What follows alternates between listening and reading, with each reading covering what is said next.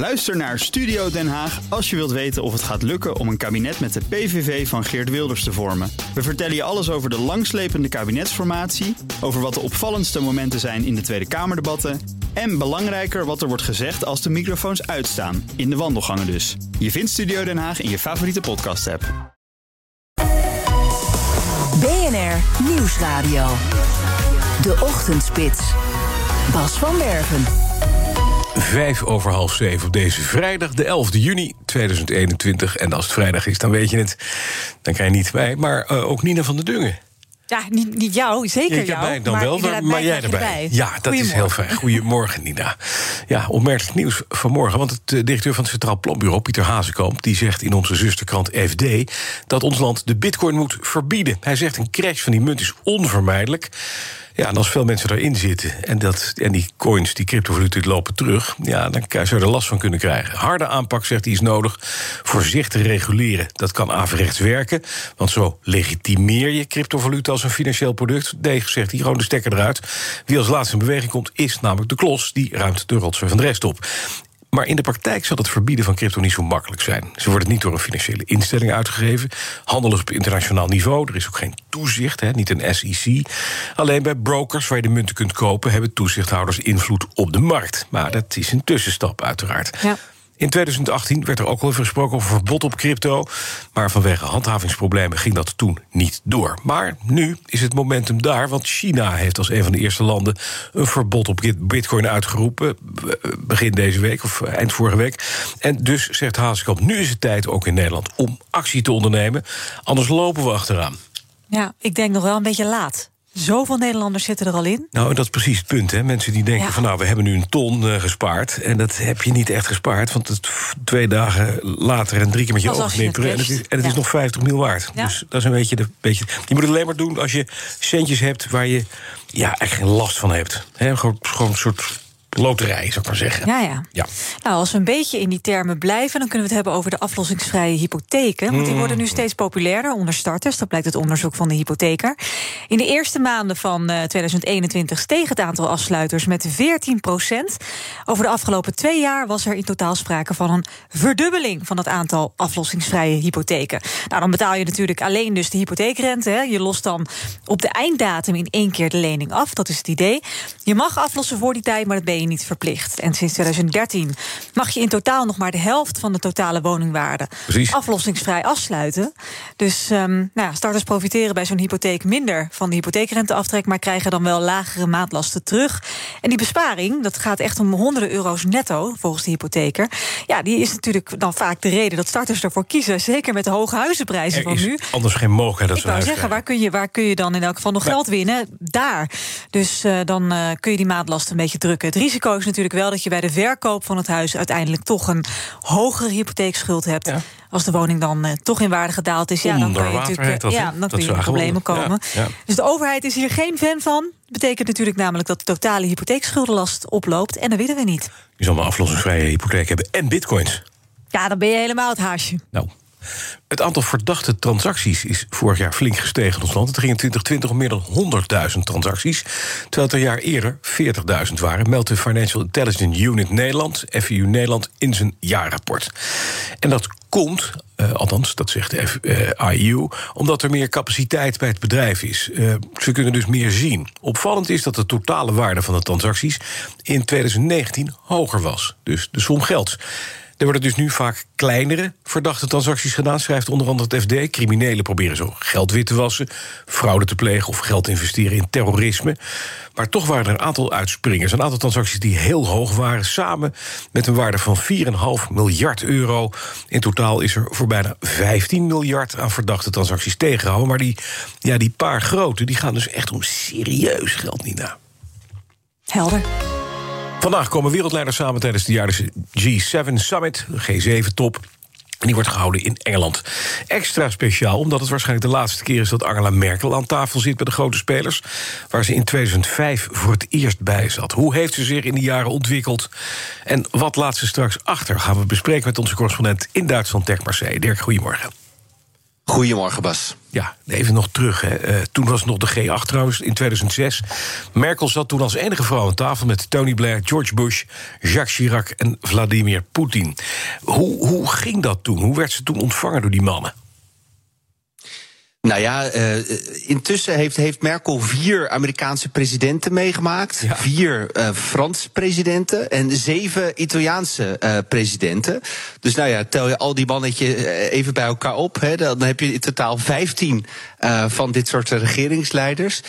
Ja, de, je kunt je voorstellen dat, uh, dat uh, met die ervaring wordt het natuurlijk in de loop van de jaren wel beter. Uh, maar in het begin was het natuurlijk wel. Oh, oké, dit is een nieuwe speler. ze was ook toen ja, eigenlijk tegen alle verwachtingen in uiteindelijk tot uh, Bundeskanzlerin gekozen. ja, dus er was wel wat, wat onwennigheid. En men keek toch wel de kat uit de boom. Maar in de loop van de jaren is dat natuurlijk compleet veranderd. Ja. Nu vraagt zelfs de Hongaarse president Orbán aan haar: wil je alsjeblieft bedrijven? Uh, in een gesprek onder vier ogen heeft ze dat gedaan volgens de Duitse kranten. Ja, uh, omdat zoveel ervaring en zoveel geduld, wat, hoe, hoe ze omschreven wordt, een pragmatisme toch in dit soort groepen ontzettend belangrijk is. Ervaring telt. Ja, zeker. Ik kan me nog herinneren dat ze destijds, toen Bush voorbij liep, er even probeerde ter schouders te masseren. Weet je dat nog, Dirk? Dat was toen heel raar. Dat weet ik zeker nog. Ja, ja, nee. Dat, en uh, hoe actueel is dat tegenwoordig geworden? Hè, waarin veel beter ook gelet wordt op hè, de, de, gewoon de positie van, van vrouwen als, als leiders. Uh, en dat het daar überhaupt om moet gaan. Maar ja, uh, machismo, dat waren natuurlijk dat soort, dat soort types waar dat niet vreemd. Nee.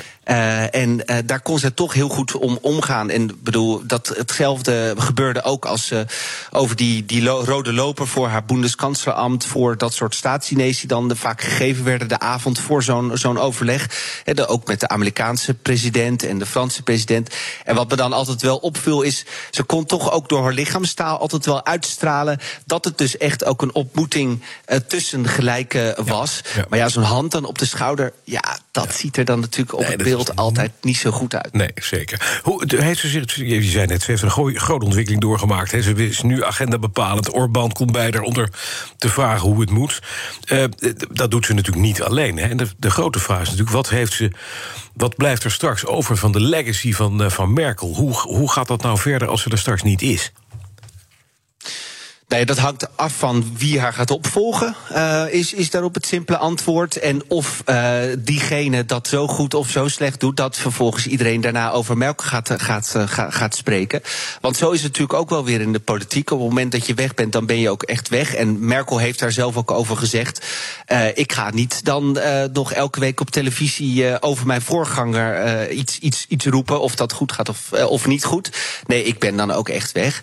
Um, maar als je terugkijkt naar uh, hoe zij de afgelopen 16 jaar ge gefunctioneerd heeft, dan denk je natuurlijk vooral aan de uh, vluchtelingencrisis uh, en het toelaten uiteindelijk van bijna een miljoen vluchtelingen in, in, in Duitsland. Maar je denkt waarschijnlijk ook aan hoe ze Duitsland door de financiëncrisis heeft heen ge geloodst. Dus door de financiëncrisis 2008, de Lehman, Lehman Brothers. Ja.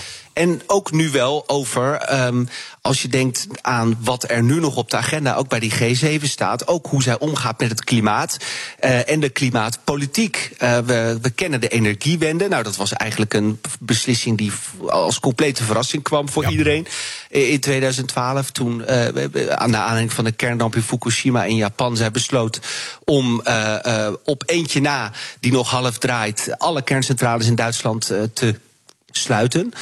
Um, en daar gaat het nu natuurlijk weer over. Er is deze week op, in Duitsland een video getoond van Angela Merkel... die in 1997 zegt als toenmalige minister van Milieu... want dat is ze geweest... Mm -hmm. uh, ja, de klimaatcrisis uh, is uh, een van de belangrijkste thema's van deze tijd. Nou ja, het is nu natuurlijk 24 jaar later... en haar tegenstanders zeggen wel... Ja, mevrouw Merkel, u heeft de auto-industrie de afgelopen jaren niks uh, in, in, de weg gelegd. Dus hier moet nog wel wat gebeuren. Ja, duidelijk. Dankjewel, Dirk Marseille. En als je nog een prachtige foto-impressie wil zien van de carrière van Merkel, verwijs je graag even naar BBC. Daar kan je een, ja, de carrière van Merkel helemaal in foto's verwoord zien prachtig mooie platen... waarbij je van, ja, eigenlijk van de jongste carrière in de politiek... tot het laatste stukje uh, ziet zo'n beetje. Ook beelden waar ze met Donald Trump op kijkt. Ik heb wel eens twee mensen blijer bij elkaar zien kijken... op een persconferentie. Ja, het is echt een hele tekenende foto. Een tekenende foto, ja. We gaan naar Erwin Hart van AWB. Erwin, goedemorgen. Goedemorgen. In de provincie Utrecht komt dikte mist voor. Het zal uh, niet heel lang blijven hangen, denkt het KNMI. Op de A15 Rotterdam richting Gorkum. 6 kilometer file tussen Papendrecht en Hardingsveld-Giessendam. Uh, vertraging is maar liefst 20 minuten al. De rechte rijstrook is afgesloten... als gevolg van een ongeluk met twee auto's. Flitsmeister ziet geen flitsers. En dan is kwart voor zeven. Vandaag strijden drie studententeams om de titel... meest efficiënte waterstof aangedreven stadsauto's. Ze hebben zelf een, een, auto ontworpen... en die moet zo zuinig mogelijk een parcours afleggen. Een van de teams die meedoet is het Eco-Runner-team van de TU Delft. Teammanager is Joost Imhoff en die is nu bij ons. Joost, goedemorgen. Ja, goedemorgen. Leuk dat ik hier kan zijn. Ja, over, over zuinigheid, hè? waterstof, uh, uh, mooie nieuwe techniek. Maar hoe zuinig zijn jullie? Hoe ver kom je met een kilootje waterstof? Ja, goede vraag. We zeggen altijd uh, heel mooi dat we van nou, Delft naar Moskou kunnen komen op, op 1 kilogram waterstof. En dan moet ik er wel bij zeggen, 1 kilogram waterstof is redelijk wat. Dus je hebt een, een, een, redelijk grote tank daarvoor nodig. En dat dragen we ook niet altijd bij ons bij. Mm uh, maar we dragen bijvoorbeeld. Vandaag gaan we uh, eh, 17 gram gebruiken uh, voor elke poging. En daar kunnen we nou, 60 kilometer mee rijden. Dus dat is een heel eind komen daarmee. 17 gram. Even ter vergelijking, ja. wat hebben bijvoorbeeld een waterstofauto van Toyota, de Mirai, die ze nu maken. Dat is een fuelcelauto die op waterstof loopt. Wat, wat verbruikt die zo'n beetje? ja, goede vraag. Die gebruikt ongeveer 25 keer uh, zoveel. Dus die kan rond, uh, rond de 100 kilometer rijden op 1 kilogram waterstof. Precies, dus jullie zijn veel en veel zuiniger. Hoe doe je dat? Is dat heel licht construeren? Uh, vertel. Ja, dus inderdaad heel licht construeren. Dus we gebruiken verschillende materialen. Dus we gebruiken carbon fiber, aluminium, dat soort dingen. maar het is ook een eenpersoonswagen, dus hij is een stuk kleiner. hij heeft een stuk minder rolweerstand, een stuk minder luchtweerstand.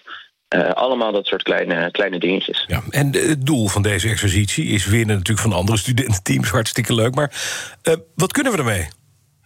Ja, goede vraag ook inderdaad. Uh, ja, we strijden inderdaad voor die, voor die titel van meest efficiënte waterstofauto. Maar ja, eigenlijk blijft het daar niet bij. We proberen ook echt die uh, duurzame mobiliteit voor de toekomst aan te moedigen. -huh. Dus uh, niet alleen maar waterstofauto's, maar misschien ook in de scheepsvaart, de luchtvaart of in het uh, zwaar transport bijvoorbeeld. Ja. Um, ja, en een beetje met deze race laten we aan de industrie zien van... hé hey, jongens, als wij het in een jaar kunnen... dan kunnen jullie het ook, uh, die, die overgang naar waterstof... of uh, ja, meer duurzame alternatieven. Ja, en de concurrentie die komt uit Twente? Ja, klopt. Uit Twente en, en... Uh, de Han Hogeschool. Dus ja. dat is Arnhem en Nijmegen. Ja, dus jullie gaan gewoon winnen?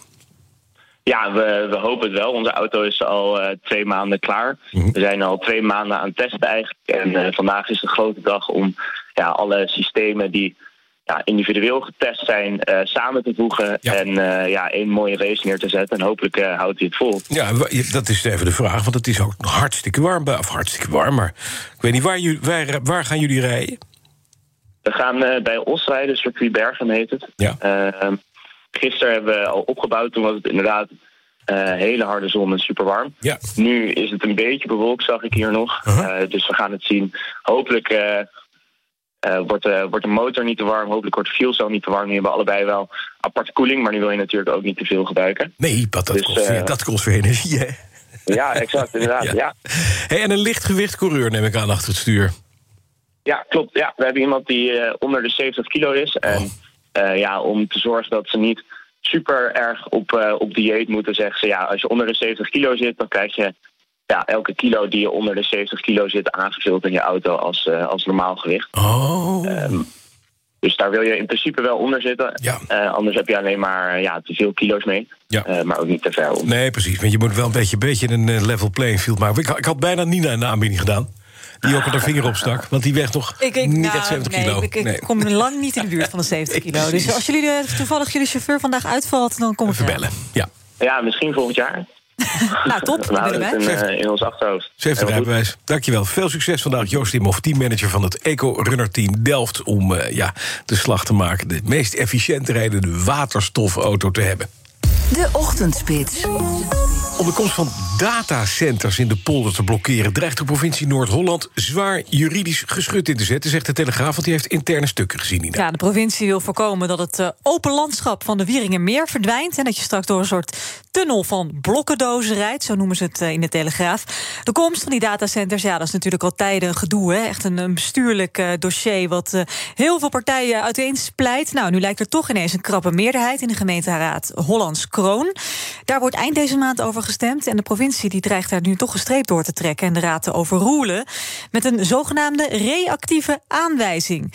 Het ontbreekt volgens de provincie namelijk aan de juiste milieuvergunningen... om die datacenters ook echt te gaan bouwen. Nou, de verantwoordelijk wethouders die zijn op de hoogte... van een mogelijke afwijzing door de provincie. Ze zeggen, nou, we hebben er nog wel vertrouwen in... Uh, dat ze tegemoet kunnen komen, of dat wij tegemoet kunnen komen... aan de wensen, aan de eisen van de provincie. En de gemeenteraad die verwacht uh, geen belangrijke nadelige gevolgen voor het milieu. Nou ja, dat moeten we nog zien. Want de bestaande datacenters die hebben een opslag van zo'n 2 miljoen liter diesel aanwezig. Voor noodstroomvoorziening. Dus ik weet niet of dat geen belangrijke nadelige gevolgen heeft. Maar ja. We gaan het zien. Een uh, beetje in de lijn van dit verhaal. Ons land laat grote kansen liggen op het gebied van verduurzamen. Ja, ja. 2 miljoen liter diesel is dat niet echt heel duurzaam. Uh, alleen al op daken van grote bedrijven, van die distributiehallen die je wel eens naast de stad ligt, of datacenters wellicht straks, kan een groot deel van alle groene stroom worden opgewekt. En toch gebeurt dat eigenlijk te weinig. Bereikte, blijkt uit een berekening van de Stichting Kennisalliantie Bedrijventerreinen Nederland, oftewel de SKBN en het onderzoeksbureau Rienstra. Wij keken dat rapport in. Rolf Heijnen, CEO van onderzoeksbureau Dutch New Energy Research... en die ziet de grootste potentie in bedrijfsdaken. Hij zegt, daar ligt de groei de komende jaren. Zeker als je daarnaast batterijen plaatst. Onze verslaggever Martijn Rijk stuurde wij het dak op, letterlijk. En uh, die keek hoe het er daar aan toe ging in Haarlem. Wij staan op het dak van... Uh, ja, uw groothandel in uh, naaimachines. Global International. Frans de Vlieger. Frans de Vlieger, ja. Tegenwoordig ook energiebaron. Ja, ja, het is wel leuk. Heb ik, uh, heb ik altijd al, nou, heb ik me eigenlijk ik al tien jaar mee bezig. Ja, want wij kijken uit over een glooiend landschap van zonnepanelen. Ja, 1200. 1200. Dan hebben we het over uh, 1800 vierkante meter ongeveer. Ongeveer, ja. ja. ja. En wat bezielt u om, dat, om daaraan te beginnen? Gevoel.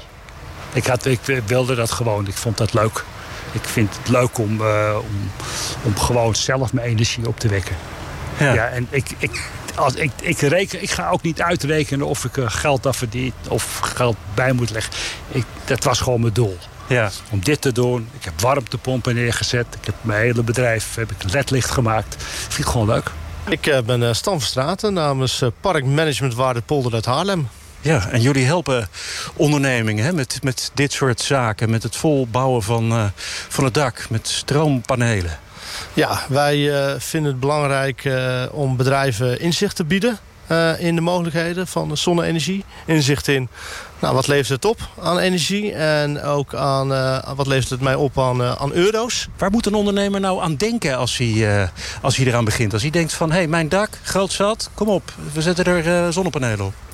Nou, je moet eerst inzicht hebben in je stroomverbruik. Wat, wat heb ik nodig? En uh, hoe groot is mijn dak? Wat kan er allemaal op? Is het dak belastbaar?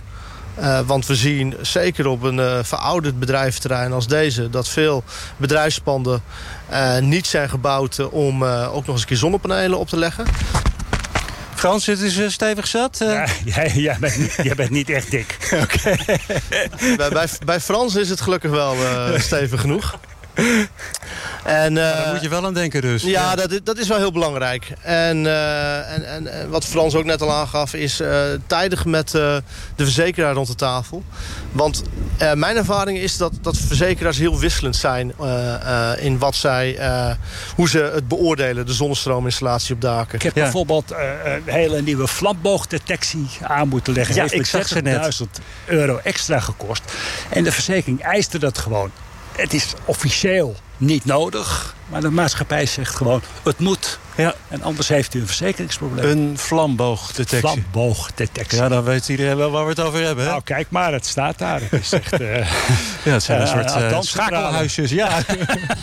Hier, dit is hem, de flamboogdetectie.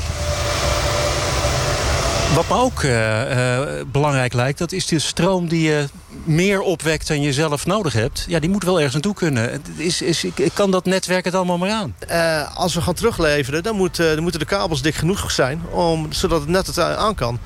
En uh, dat, uh, dat, gaat, uh, dat gaat knellen in de toekomst. Zeker als we ook nog met, met grootschalige windenergie gaan werken. Ja, Oké, dus eerst met de verzekeraar, verzekeraar praten... daarna met de netwerkbeheerder, nou, de netbeheerder. Juist, ja, misschien nog eerder andersom. Maar dat is wel wat je sowieso moet doen, ja. Nou heeft Frans de Vlieger het allemaal zelf gefinancierd. Maar dat hoeft niet, toch? Nee, dat, dat hoeft inderdaad niet. Als ondernemer heb je, heb je soms een groot dak. Uh, en uh, mogelijk even wat minder liquiditeit om zelf te investeren. En dan kun je ook je dak ter beschikking stellen aan een energiecoöperatie. En die energiecoöperatie gaat er zonnepanelen op leggen. Dan heb jij niet de kosten, maar heb je wel een dak vol met zonnepanelen waar weer bewoners uit de stad van kunnen profiteren. En zo zien wij dat ook al bij een aantal uh, bedrijven hier in het, uh, op het bedrijventerrein. Die hebben voor die uh, regeling gekozen. Zij Stel Verstraten, projectleider verduurzaming van de Waarderpolder. Dat is een groot in Arnhem. En Frans de Vlieger, directeur van IMCA Global... in een verslag van Martijn de Rijk. En straks na zeven gaan we erover doorpraten met Theo Vullings. Die is voorzitter van de Stichting Kennisalliantie Bedrijventerrein in Nederland. Oftewel de SKBN, eerder genoemd. Ja, dan de Mexicaanse boer die moet met leden ogen zien hoe zijn huis wordt opgeslokt door een sinkhole. We hebben er al eerder over bericht. Eind mei ontdekt, had toen een diameter van 4, 5. En in een paar dagen is het ding groter en groter geworden. Inmiddels 125 meter lang. Straks valt heel Mexico erin. Ja, je weet het nooit. Blijft doorgroeien. Ja, nu kan het huis van die boer elk moment worden opgeslokt door het gapend gat. Maar er zijn ook twee hondjes ingesloten. En die oh. proberen ze nu te redden. Wel zielig. Dat is wel heel zielig, ja. Maar ja, het, ik vraag me wel af als je dat ziet aankomen, dat sinkhol, waarom die hondjes niet eerder even van de plaats uh, des onheils verwijderd zijn. Ja, ze worden nu gevoed van bovenaf. Nou ja, het lokale overheid heeft, onderzoek ingesteld naar de oorzaak van het gat. Stadje is wel in één keer een toeristische trekpleister, want het natuurfenomeen trekt ramptoeristen uit heel Mexico. En als het weer mag, vanuit de hele wereld. Dat wou ik zeggen. Kijken naar het sinkhol van 125 meter. Nog even deze, die vond ik mooi. Groot nieuws in Zuid-Korea, want de veiligheidsdienst daar... heeft een aantal video's naast elkaar gelegd... waaruit blijkt dat de Noord-Koreaanse dictator Kim Jong-un... in korte tijd heel wat gewicht is verloren. En inderdaad, op die video's zie je dat de hemelse leider is opgespekt. Onder meer aan de hand van de lengte van het lipje van zijn horlogebandje. Dat is een, dat is een stukje langer, wat dus door de gesp heen steekt. Geweldig. Hij maar draagt... zie je het ook maar echt met het pak... als je gewoon een foto ja, van hem zie ziet? ook, zie het ook. Maar je ziet het aan het bandje, hebben ze gezegd. Kijk, hier zie je gewoon een paar centimeter erbij. Hij draagt graag zijn 10.000 euro kostende gouden IWC aan een leren bandje. En laat zich daar graag mee fotograferen, dus dat zie je. Nou, aan het eind van vorig jaar kwam de dictator al een beetje minder vaak in beeld. Hij is nu dunner terug, maar of hij nou afgevallen is uit eigen vrije keuze... of dat het te wijten is aan zijn gezondheid, dat is voer voor speculatie. Want we weten wel dat zowel zijn vader als grootvader overleden aan een hartinfarct. En Kims zwaarlijvigheid werd al jaren, en hij rookt bovendien als een ketter... wordt al jaren gezien als risico. En waarom dat nou belangrijk is? Nou, in geopolitieke zin belangrijk, want de vraag is... wie gaat hem opvolgen? Dat willen we dan wel weten. Hij heeft toch kinderen? Die worden heel erg buiten de pers gehouden. Hij schijnt ook hele mooie oude auto's te hebben. En hij heeft dus inderdaad een gouden klokkie. Dat weten we wel. Wat beter zit. Ook Diana Matroos vind je in de BNR-app. Ja, inderdaad. Je kunt live naar mij luisteren tijdens de Big Five. Ook handig in de BNR-app. Breaking nieuwsmeldingen, maar ook het allerlaatste zakelijke nieuws. En je vindt in de app alle BNR-podcasts, waaronder Wetenschap Vandaag. Download nu de gratis BNR-app en blijf scherp. BNR Nieuwsradio. De Ochtendspits. Bas van Werven. Vijf over zeven, goedemorgen. Het is vrijdag 11 juni 2021. Er hangt hier nog over Amsterdam. In ieder geval een klein uh, sluikje met mist. Maar dat gaat optrekken. Het wordt weer een mooie dag vandaag. En sowieso is het vrijdag. Nina van der Dungen, goedemorgen. Goedemorgen. De twee hoogste ambtenaren van de Belastingdienst wisten wel van een explosieve memo in het toeslagenschandaal. Alleen ze ontkenden dat onder Ede tijdens hun verhoren door de parlementaire ondervaringscommissie Kinderopvangtoeslag. Blijkt uit de reconstructie die RTL Nieuws maakte samen met Trouw. We praten erover met onze politiek verslaggever Sophie van Leeuwen. Zometeen ook aandacht voor die memo van omzicht en de reacties. Maar eerst over deze, Sophie. Ja, dit is ook wel weer een bommetje. Jij zat vorig jaar bij die mini-enquête. Die leidde tot het aftreden van het compleet kabinet Rutte 3. Is dit die memo die we kennen onder de naam Memo Palme? Ja, dat is die beruchte memo Palme. Dat is van een uh, juriste, een hoge juriste bij de afdeling toeslagen. En zij heeft al in 2017 gewaarschuwd dat het helemaal mis was. En dat de Belastingdienst toeslagen laakbaar gehandeld heeft. Er moesten ouders gecompenseerd worden. 300 ouders. En nu uh, ja, uh, zitten we dan uh, met die hoge ambtenaren. Waarvan we denken: hé, hey, wat hebben ze nou eigenlijk gezegd in, de, in die enquêtezaal? Mm -hmm. De ex-baas van de Belastingdienst, Jaap Uilenbroek, zei vorig jaar: ik ken de memo op geen enkele manier. Ook de ambtelijke baas op financiën, Manon Leijten, die zei: Ik kan me niet herinneren dat ik die memo heb gelezen. En nu blijkt, schrijven RTL en Trouw, dat die wel is besproken, wel degelijk in 2019. En dat was niet zomaar op een vergadering in een hoekje ergens van een ministerie. Dat was een crisisbespreking. En daar zaten twintig ambtenaren bij. Dus dat was nogal een bespreking waarin die memo op tafel is gekomen. Precies, dat zou je ook bijna niet meer niet kunnen herinneren, zou je kunnen zeggen. Hè? Dat zou je denken. Ja, ja. maar het lijkt cruciaals en essentieels. Nee, precies. Sterker, die memo die lijkt gewoon te zijn weggemoffeld. Hè? Gewoon onder tafel te zijn geschoffeld in 2019. Nou ja, daar lijkt het dus nu wel op. Hè. Er uh, is toen besloten. Uh, de memo, Palme, die wordt niet gearchiveerd. Dat is een suggestie geweest. Uh, door lagere ambtenaren. Het gevolg is geweest uh, van die suggestie dat deze memo niet boven tafel kwam, niet in het parlement. Toen onder andere Pieter Omzicht uh, uh, eindeloos vroeg naar meer papieren, meer inzagen. Uh, WOP-verzoeken, ook van journalisten. En dat is eigenlijk wel tegen de regels mm -hmm. om dat zo niet te archiveren. Ja. Toch is de suggestie overgenomen door de leiding.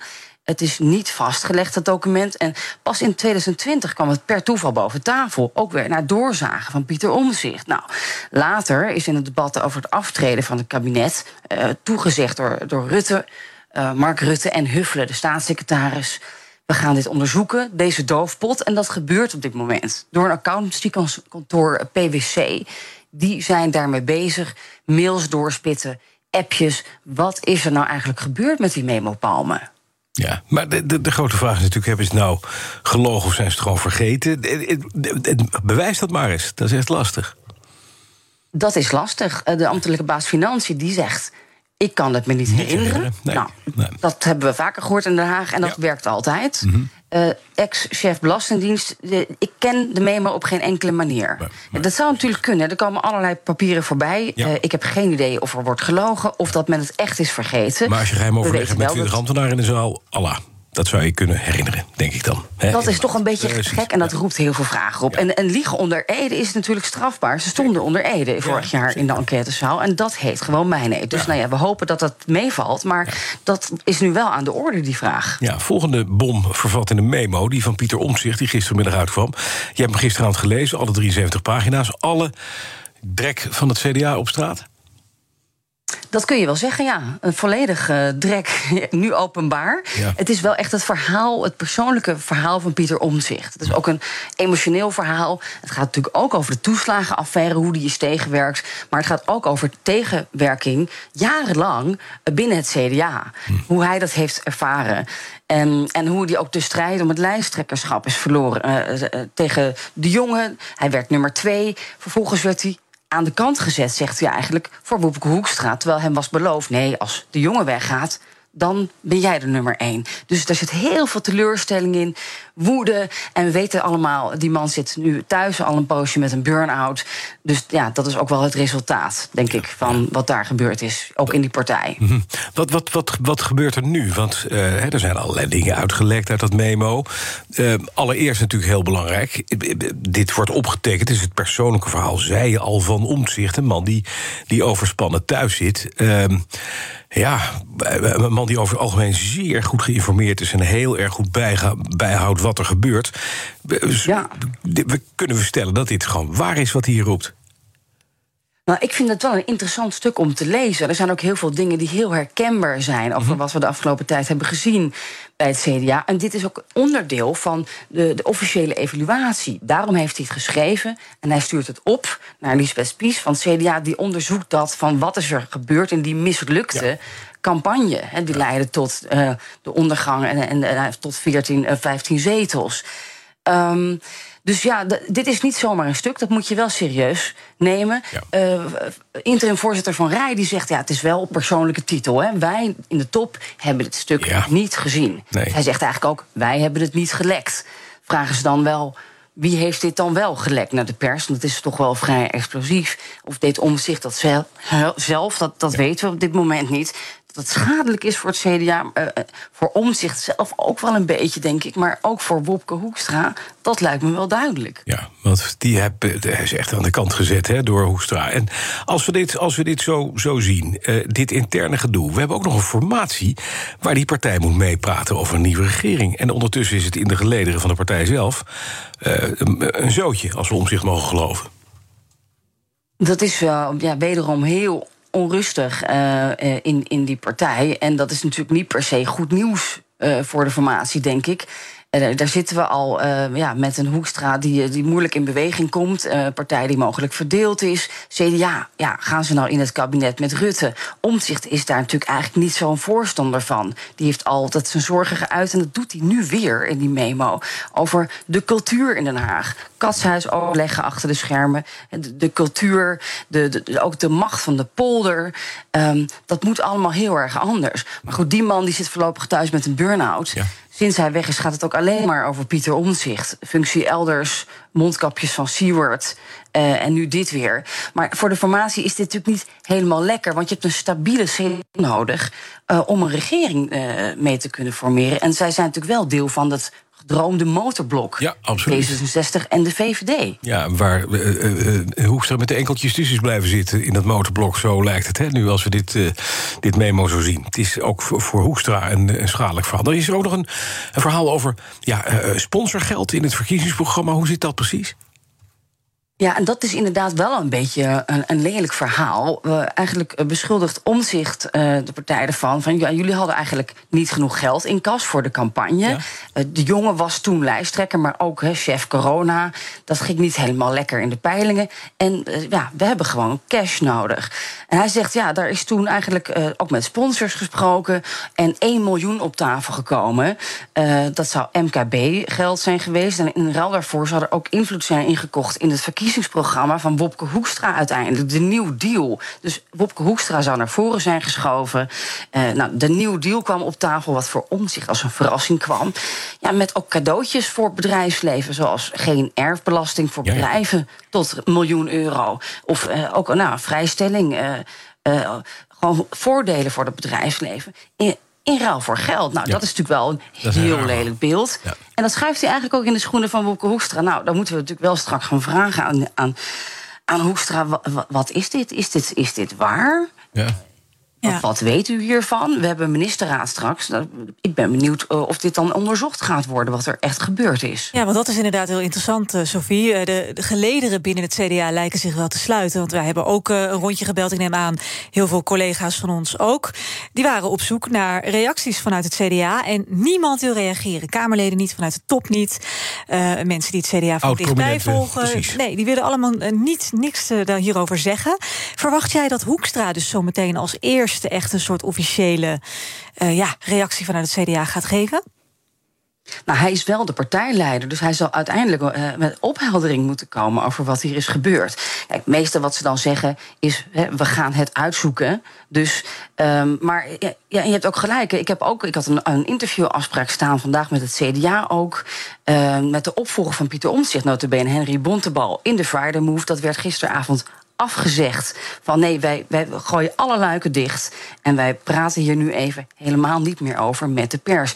Ja, dat is nou niet heel mooi in je nieuwe politieke cultuur. Ik denk wel dat hier, uh, hier transparantie en opheldering over moet komen. Maar eerst verwacht ik nog wel een crisisvergadering binnen het CDA op het partijkantoor in Den Haag.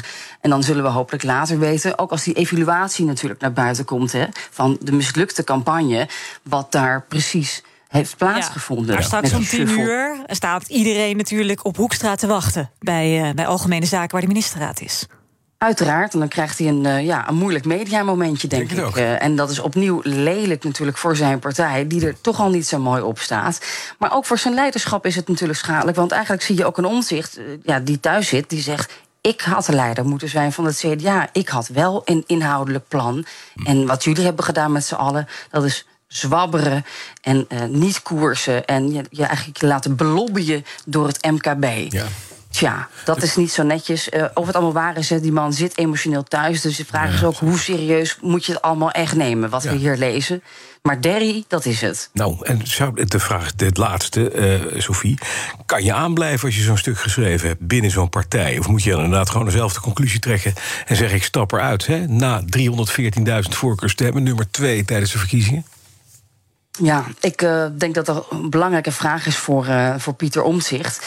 Persoonlijk denk ik dat die man uh, echt intrinsiek gemotiveerd is geweest om die partij te verbeteren. Ja. en al die tijd ook in de toeslagenaffaire uh, ja, is hij gebleven? Heeft hij zich toch constructief opgesteld? Uh, ik, denk, ik denk niet dat hij eruit stapt persoonlijk.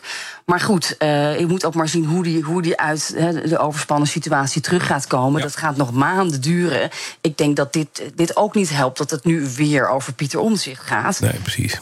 ik verwacht een loyale Pieter Omzicht. Misschien dat hij hoopt dat hij ooit later wel de gooi kan doen naar partijleiderschap. Hm. als Wopke Hoekstra misschien weer een nieuwe baan heeft. Nou ja, dat. Ja is een beetje speculeren, Bas. Maar ja, Hoekstra functie elders. Als we dat ergens op zien staan, dan weten we genoeg. Dankjewel. Politiek verslaggever Sophie van Leeuwen.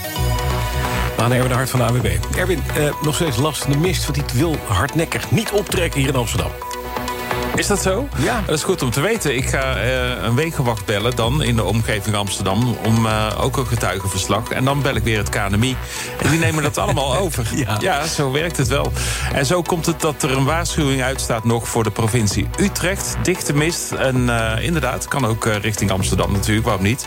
A15 Rotterdam richting Gorkum. 4 kilometer langs het verkeer tussen Alblasserdam en Sliedrecht-West. was een ongeluk met twee auto's, maar de weg is terugvrij. er is een flitser melding op de A58 Bergen op Zoom richting Vlissingen... bij hectometerpaal 149,8. Het is 18 minuten over 7. Ons land laat grote kansen liggen als het eh, gaat om verduurzamen. Want alleen op bedrijfsdaken zou je een ongelooflijk hoeveel plas zonnepanelen kunnen neerleggen. En dat geeft groene stroom. Maar dat gebeurt eigenlijk nauwelijks.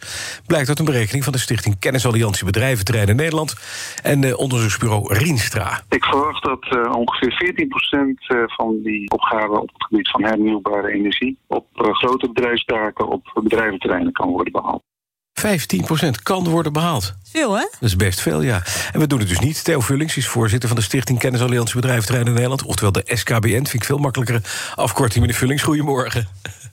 Ja, goedemorgen. Ja, 15% zouden we kunnen doen. Uh, daar zijn we nog lang niet, uh, zo blijkt uit het onderzoek. Maar de vraag is, waarom zijn we er niet? Want we weten het van die platte daken. Het is niet zo moeilijk. Die zonnepanelen zijn beschikbaar. Waar wachten we op?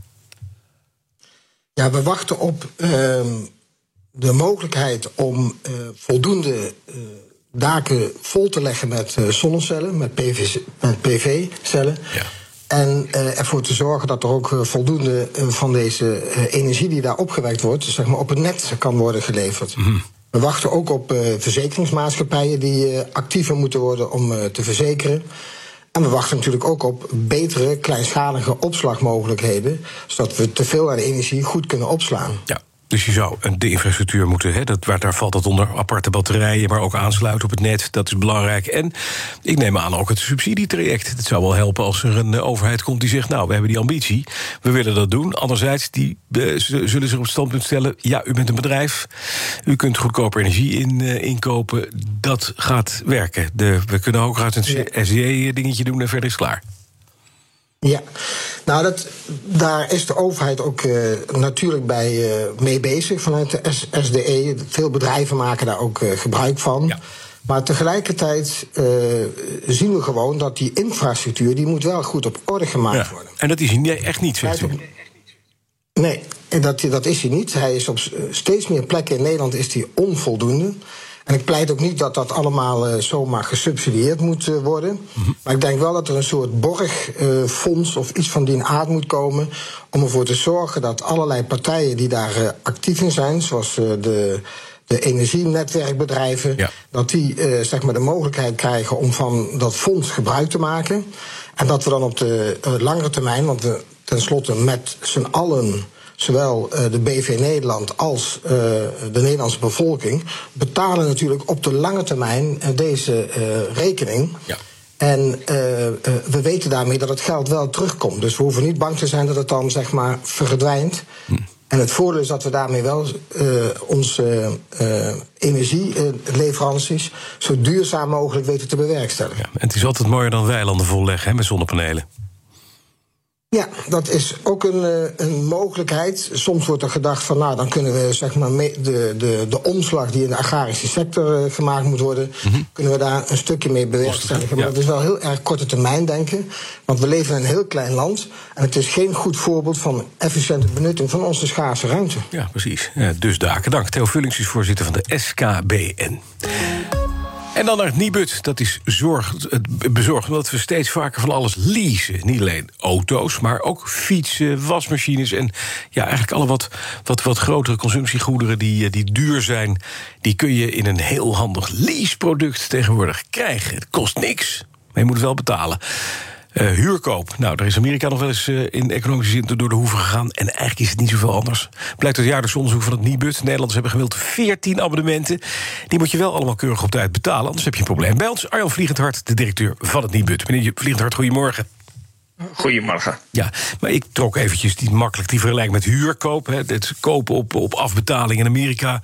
Waar een, eh, een heel land uh, in de jaren 20, 30 door, van de vorige eeuw door de knieën ging. Het wordt steeds makkelijker om te leasen. Uh, waarom is dat zorgelijk? Is het net zo zorgelijk als huurkoop?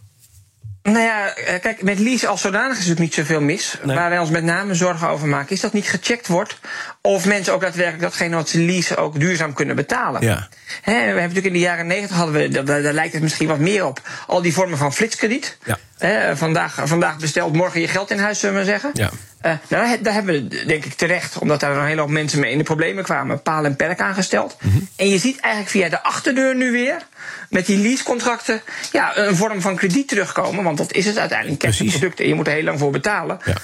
Uh, uh, zie je dat weer terugkomen. En kijk, daar maken wij ons zorgen over. En ik denk dat het goed is mm -hmm. dat we die leasecontracten op dezelfde manier gaan behandelen als, als, als persoonlijke leningen en kredieten. Namelijk dat je kijkt of degene die dat afsluit ja. het ook kan betalen. Ja, nou is het wel zo dat we als we een lening sluiten, een PL'tje, dan gaat het langs de BKR, het bureau kredietregistratie.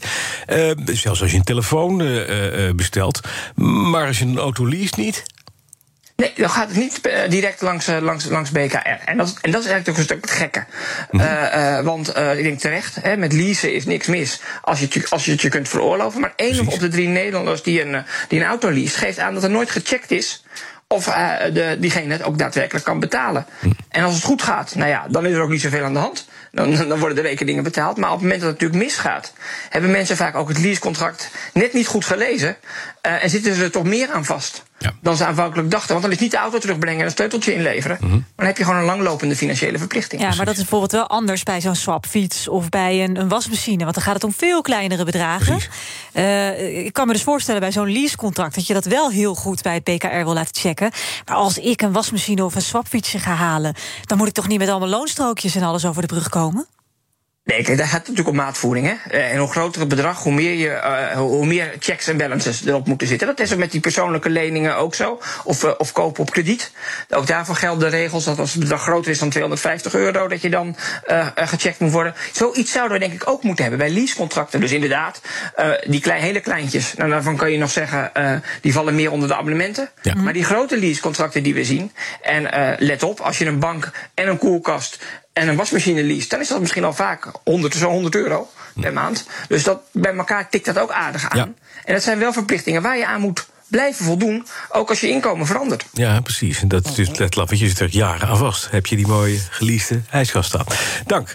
Arjan Vliegendhart is eh, directeur van het NIBUD, Nederlands Instituut voor Budgetbewaking. Bij BNR ben je altijd als eerste op de hoogte van het laatste nieuws. Luister dagelijks live via internet. Bas van Werven. En heel langzaam komt de zon op rond dit tijdstip. Je krijgt inzicht in de dag die komt op BNR, het Binnenhof in Nederland en de rest van de wereld. De Ochtendspits. Voor de beste start van je werkdag. Blijf scherp en mis niets. BNR Nieuwsradio. De Ochtendspits. Bas van Werven. Drie over half acht. Goedemorgen. Het is eh, vrijdag de 11 juni 2021. En naast me zit, omdat het vrijdag is, altijd Nina van den Dungen. Nou, niet omdat het vrijdag is, maar omdat ze gewoon hartstikke goede radiomaker is. Toch? Ja, oh, elke, dag, van, elke dag van de week. En straks om 11 uur doe je ook Brecht. Ja, zeker. Standaard op vrijdag, helemaal goed. Uh, Nina, heb jij nog plannen voor de zomer met festivals? Want jij zit in de leeftijdscategorie ja, dat je naar dat soort dingen toe gaat. twee maanden geleden aangedurfd om twee kaartjes te kopen... voor een festival wat in Amsterdam is, half augustus. Mm -hmm. En uh, nu hebben we toevallig uh, twee weken geleden een berichtje gekregen of we nu het hele bedrag konden betalen. Want het gaat door. Nou, het lijkt erop dat het doorgaat. Dus ik heb het helemaal betaald en uh, ik hoop op goed nieuws vandaag. Ja, nou, burgemeesters die willen duidelijkheid van het kabinet over de mogelijkheden voor evenementen en festivals deze zomer. Want er heeft dus kennelijk onduidelijkheid over ontstaan binnen de, het Veiligheidsberaad. Blijkt uit het laatste gesprek tussen de burgemeesters die daarin verenigd zijn en de dimensionaire minister van Justitie en Veiligheid Grapperhaus. Nu bij ons de voorzitter van het Veiligheidsberaad, Hubert Bruls. Meneer Bruls, goedemorgen. Goedemorgen. Ja, ik wou, voordat we hierover praten, heel eventjes kort met u naar het uh, verhaal... het memo van uw eh, partijlid, uh, CDA-Kamerlid Omtzigt. Dat heeft u ongetwijfeld geabsorbeerd. Uh, ja, is hij een held of een eikel? U mag kiezen. Nou, ik ga me daar eerlijk gezegd niet over uitspreken. Zeker niet in dit soort uh, nee? uh, termen. Dat zou ik, uh, vooral de tweede term, dat zou ik echt niet, niet over mijn mond nee. krijgen. Vind ik ook niet, niet onjuist om te zeggen. Nee. Of onjuist om te zeggen. Ehm, nou, laten we allemaal maar de rust bewaren. Ik heb het hm. beruchte memo nog niet, niet op mij genomen. En laat iedereen dan nu eens de rust bewaren en weer wat verstandige en hm. CDA-waardige dingen over elkaar gaan zeggen. Meer heb ik er niet over te zeggen hoor. Oké. Dan, uh, als burgemeester heeft u met de vuist op de digitale tafel geslagen. Uh, u wil nu weten hoe het erbij staat voor wat betreft evenementen en festivals deze zomer. Wat wil u precies van de, van de, van de minister? Nou, we zijn al een tijdje met elkaar in gesprek, weten dat 30 juni hè, in principe weer die evenementen mogelijk eh, worden, zoals het er nu uitziet. Ja. En een evenement voorbereiden, dat kost gewoon een aantal weken. Hè. Een wat grotere evenement, uh, minimaal acht weken. De hele grote zelfs uh, twaalf weken. Kortom, uh, daar moet je wel criteria hebben. En voor de evenementenorganisatoren, maar ook voor gemeenten die de vergunning moeten behandelen. Nou, daar hebben we het gisteren in meer afrondende zin over gehad. Want we hebben daar ook al een paar weken geleden over gesproken. En hopelijk leidt dat nu ook snel tot de besluitvorming. En de duidelijkheid, in welke richting dan ook. Hè, want hier moet je keuzes in maken. En geen enkele keuze heeft alleen maar voordelen. Duidelijk. Maar is er nog tijd, inderdaad, in het, in het, in het licht wat u net schetst? Je bent Jawel, gewoon weken... Kijk, we zijn natuurlijk gaan voorbereiden. Hè. We hadden uh, de afspraak gemaakt uh, landelijk... dat we tot en met 6 mei geen aanvragen voor evenementen behandeling zouden nemen. Hè. Op dat moment was ook alles verboden. Uh, en was onvolstrekt onduidelijk wanneer het dan wel. Maar we hebben gezegd, vanaf 6 mei gaan we evenementen in ieder geval weer met potlood opschrijven. En dat hebben al die gemeenten en de regio's regio's, veiligheidsregio's ook gedaan. Met andere woorden, het is niet zo dat iemand die dit hoort denkt: oh, als ik dus vandaag kom, dan duurt het nog acht weken. Nee, nee. er zullen zeker ook al evenementen vrij vlot naar 30 juni komen. Alleen de hele grote, daar moeten we ook ver zijn. Daar heb je een ander probleem. Die kosten heel veel capaciteit van politie, ambulance, eh, de GGD. Ja, ja en die mensen hebben ook 15 maanden keihard eh, gewerkt. Hm. Dat kunnen we niet allemaal leveren deze zomer. Nee, dat is natuurlijk wel een beetje het punt. Hè. Wat, wat, wat, wat zou dat betekenen? Want u, ik neem aan dat u ook met collega's spreekt die Pinkpop uh, onder, de, onder de vleugels hebben of ja, Lowlands. Die, die, dat, die, is al, dus, die gaat dus al niet door. Net zo goed als de Vierdaagse ja. bij mij in, in de stad. Precies, er zullen dus een aantal grote niet doorgaan. een aantal ook wellicht wel. En dan zal er een grote beroep worden gedaan op het organisatoren zelf kunnen regelen. Bijvoorbeeld qua beveiliging. Uh, je moet dan heel erg goed uh, je testen, hè, de toegangstest ja. uh, regelen. Dat is een ander punt. Niet elke evenement kun je afgrendelen en 100% mensen controleren op, op testen. Hè. Ik bedoel, als er een hardloopwedstrijd is en mensen langs de kant. Ja, dat is wat wij dan zo mooi noemen een open evenement. Daar kun je niet veel aan doen. Nou, nee. Dat is dus ook even de vraag. Ja. Wil je die toestaan? En zo ja, hoe dan uh, toestaan? Ja. ja, daar moet nu wel duidelijkheid over komen. Want uh, dat zijn echt grotere, vaak grotere evenementen. Daar kun je niet drie weken van tevoren zeggen. Kom, we gaan eens even een marathon organiseren. Nee, voor mensen nee, maar dat gaat gewoon niet. Anders, anderzijds, wat je wel als voorwaarde kunt stellen... is de organisator of de organisatoren van zo'n evenement... dat die wat meer uh, taken toebedeeld krijgen... om te zorgen dat ze dit soort dingen kunnen organiseren... die u er zelf niet aan kunt, hè, kan ik me voorstellen. Ja, zeker. Eh, er zal zeker, als je het hebt over beveiliging, en verkeersregulatie, wat vaak een probleem is bij grotere evenementen, althans wat je moet regelen. Dat zal nu wat meer, uh, zeker bij die grotere evenementen, op hun bordje komen. Kijk, en heel veel van die kleinere evenementen, een, een leuke kermis, een braderie of zo. Ja, dat, dat hoeft het niet uh, te zijn. Daar is alleen van belang, wat zijn de voorwaarden, hoe zit het met die anderhalve meter. Uh, maar die zijn op zich nog betrekkelijk goed te organiseren zonder dat je heel veel politie of ambulance medewerkers nodig hebben. Maar bij die grotere evenementen zal er zeker meer gevraagd worden van de organisatoren. Oranje pop gaat het door? Uh, ja, god, er vraagt iets aan. nee, dat weet ik niet eerlijk gezegd. Geen idee. Het zal misschien afhangen van een kampioenschap of zo. Uh. Je weet het niet. Maar het is onder uw vleugel. Het is, moet in Nijmegen plaatsvinden. Dank Hubert Bruls, eh, de burgemeester van Nijmegen... en voorzitter van het Veiligheidsberaad. Ja, dan honderden kinderen houden ernstige klachten over het coronavirus. Vertel. Ja, dat zeggen specialisten van het uh, Emma Kinderziekenhuis in Amsterdam. Vandaag in het FD, uh, eh, sorry, in het AD, scheelt maar één letter, maar toch een, heel, een hele krant scheelt het. Ze schatten, de specialisten, dat er in Nederland zo tussen de 300 en 400 kinderen zijn. Um, en dan zie je dus dat sommige kinderen maandenlang kampen met zware klachten. Dan kan je denken aan zware hoofdpijn, zenuwpijn, ernstige vermoeidheid, concentratieproblemen, uitslag ook. Rode ogen, gebarsten lippen of ze kunnen ook hartproblemen krijgen. Dit zijn de eerste conclusies die de specialisten te trekken na het optuigen van een speciale coronapolie voor kinderen. In Nederland heb je er daar eentje van. En je vindt ze ook in Amerika, Engeland, Zweden en uh, Israël. Nou ja, het is dus uh, daar ook echt duidelijk geworden dat kinderen echt maandenlang eh, last kunnen hebben van zo'n long-covid, zoals we dat bij ons volwassenen ja. noemen, dat je heel lang last lang hebt van. ellende heb je. Ja, ja, ja. dus niet met je longen, maar lang. En je hebt ook nog iets vreemds, dat is een ontstekingsziekte die bij een aantal kinderen is ontstaan, echt wel bij 130. na het coronavirus dat ze dat hebben gehad, hebben ze een ernstige ontstekingsziekte gekregen met de naam Miss C. En die kan zo serieus zijn dat ze ervan uh, op de intensive care belanden. Mhm. Dus um, nee, het, het, kan echt heel naar zijn. Dus bij, bij toch wel een aantal honderd kinderen in uh, Nederland. Ja, niet fijn. En dan blijf even bij corona. Want de vraag was: waar zijn nou de meeste coronabesmettingen de laatste tijd voorgekomen? Nou, Rotterdam staat bovenaan dat lijstje. Blijkt uit de inventarisatie van nu.nl. 79.000 mensen zijn daar positief getest sinds het uh, begin van de uitbraak. In Amsterdam zijn het er 10.000 meer, maar als je dat dan afzet tegen het aantal inwoners, dan is het relatief gezien uh, uh, in Rotterdam het ergste. 121 op de 1000, terwijl Amsterdam niet verder komt dan 101 op de 1000. Het scheelt dus 5, weet het, 5 procent. Dat is nogal wat. Ja.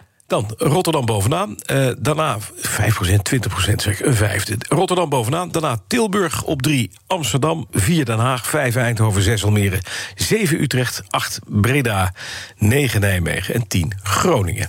Nou, dan heeft UNL ook onderzocht hoe kan het nou dat in Rotterdam uh, die cijfers hoger liggen, relatief gezien. Omdat daar meer mensen relatief met een migratieachtergrond wonen, zegt de regionale GGD. En die wonen vaak met veel mensen in een klein huis, net als studenten die vaak met veel mensen een huis delen en ook elkaar veel opzoeken. Ja, dan krijg je veel besmettingen. Ja, nog meer besmettingen. En dat is op zich een heel gek verhaal op een heel groot cruiseschip... dat vanuit Noord-Amerika vertrokken is. Het heet de Celebrity Millennial en is voor het eerst sinds 2020 uitgevaren. Twee passagiers, positief getest. Ja, het schip ligt nu uh, in uh, Curaçao. Ja, en dan denk je van, is het zo gek dat er twee passagiers besmet zijn van die 1200 aan boord? Ja, dat is gek. Want ze moesten laten zien, bewijzen dat ze zijn gevaccineerd. Ja. En een negatieve test overleggen. Dus je zou denken, nou, dubbel check, dubbele checks en balances, en dan moet het toch goed komen. Maar deze twee zijn er toch tussendoor gepiept. En uh, ze zijn uh, op Sint Maarten afgezet van het schip en in quarantaine geplaatst. Er wordt nu bron- en contactonderzoek gedaan op dat schip. En uh, er wordt dus gekeken, hebben zij de boel zitten flessen? Of zijn ze echt gevaccineerd en waren ze echt negatief getest? Um, en is hier iets heel anders aan de hand? Dus dit is ook wel een fascinerend verhaal. Nou. Tech-update. En daar staat Kees Dorstein net. Goedemorgen. Kees, goedemorgen. De Trump-regering heeft Apple gedwongen om data van democraten vrij te geven. Ja. ja, dat is in 2017 en 2018 gebeurd, meldt de New York Times. En het was al bekend dat het Amerikaanse ministerie van Justitie onder Trump Apple had gedwongen om metadata van journalisten vrij te geven. Want zo hoopten ze die bronnen van die journalisten te kunnen achterhalen. Metadata is data over data, om het maar zo te zeggen. Ah, dit wisten we al, toch? Dit wisten we al, inderdaad. Maar wat blijkt nu? Dit hebben ze dus hetzelfde gedaan bij uh, twee democratische leden van de, huis, uh, de House Intelligence Committee, uh, de intelligentiecommittee, de IT-committee van, van het Huis van Afgevaardigden. Waaronder nog de huidig voorzitter, twee democraten. En zij hebben dus ook de data van die democraten opgevraagd. En dat niet alleen. Ook van meer dan tien mensen rondom die personen. Bijvoorbeeld ook familieleden en één kind. Allemaal in de hoop om te achterhalen hoe nou informatie gelekt werd over die Trump-administration. Um, dat is met een gag-order gedaan. Dat is een soort van zwijgplicht-order. Precies, dus je geeft ons die data, maar je zegt er niks. Je houdt je kop. Precies, je houdt je kop. Dat mag je gewoon niet doen als bedrijf. Daar, uh, anders kan je gewoon vervolgd worden. Uh, dat is gewoon een order van bovenaf. Nou ja, Apple mocht er dus niks over zeggen. En het enige uh, dat we nu weten, waarom we dit nu weten... is omdat het huidige ministerie van Justitie... al die gag-orders van Trump heeft vrijgegeven. Dus die worden nu waarschijnlijk uitgespit... en er zullen vast nog wel meer dingen uitkomen. Nou, lekker verhaal. Uber heeft als de chauffeurs in Amerika een zorgverzekering aangeboden. Nou, gisteren hebben ze alle bestuurders in het hele land, in alle 50 staten, gemaild dat ze recht hebben op een gezondheidsplan. Want je, je, je kent het, de Uber krijgt wereldwijd kritiek, omdat het het personeel niet als personeel behandelt, maar een soort van freelancers. Dus hoef je helemaal geen sociale verzekeringen te betalen. Dus ja, veel bestuurders dachten ook: dit is te mooi om waar te zijn. En dat blijkt. Het is ook veel te mooi om waar te zijn. Het is gewoon niet waar. Want ze hebben er gewoon een mailtje achteraan gestuurd. Sorry, we hebben jullie per ongeluk een zorgverzekering aangeboden. Dat. Het was alleen voor de chauffeurs in California. Want daar moet het volgens de wet. Dus ze hadden die chauffeurs een soort van aanbod gedaan... dat een deel van die zorgverzekering, van die premie, vergoed werd. Als je nu een contract afsloot... Oh. wat extra zuur is voor al die mensen in die 49 staten... die daar rondrijden en die er geen recht op hebben. Want als die de andere mail niet op tijd hebben gelezen... dan hebben ze een dure zorgverzekering afgesloten... en die moeten ze nu gewoon betalen. En daar krijgen ze niks van vergoed. Deftig. Microsoft promoot zijn nieuwe Windows-event op een nogal aparte manier, begrijp ik. Ja, 24 juni komt het Windows 11-event. Nou, ieder techbedrijf heeft wel een keer een groot event. Je kent het ook van de Apple-events en de Google-events... gaan ze allemaal nieuwe dingen presenteren. Dat is met uh, Windows 11 ook het geval. Gaan ze alle nieuwe snufjes en trucjes en dat soort dingetjes uh, bekendmaken. Uh, en om iedereen alvast een beetje warm te maken... dachten ze, wij zetten een soort van relax-muziek online. 11 minuten lang, om je een beetje een soort van waardoor je op het werk kan mediteren, bijvoorbeeld, om je alvast een beetje warm te maken. Wat heeft Microsoft nou gedaan? Ze hebben de geluidjes van Windows 95, Windows XP en Windows 7, die opstartgeluidjes van dun dun dun dun, als het ware, die hebben ze achter elkaar gezet en 4000 keer vertraagd. En volgens Microsoft krijgen we dan een soort van meditatiemuziek, maar luister zelf maar even.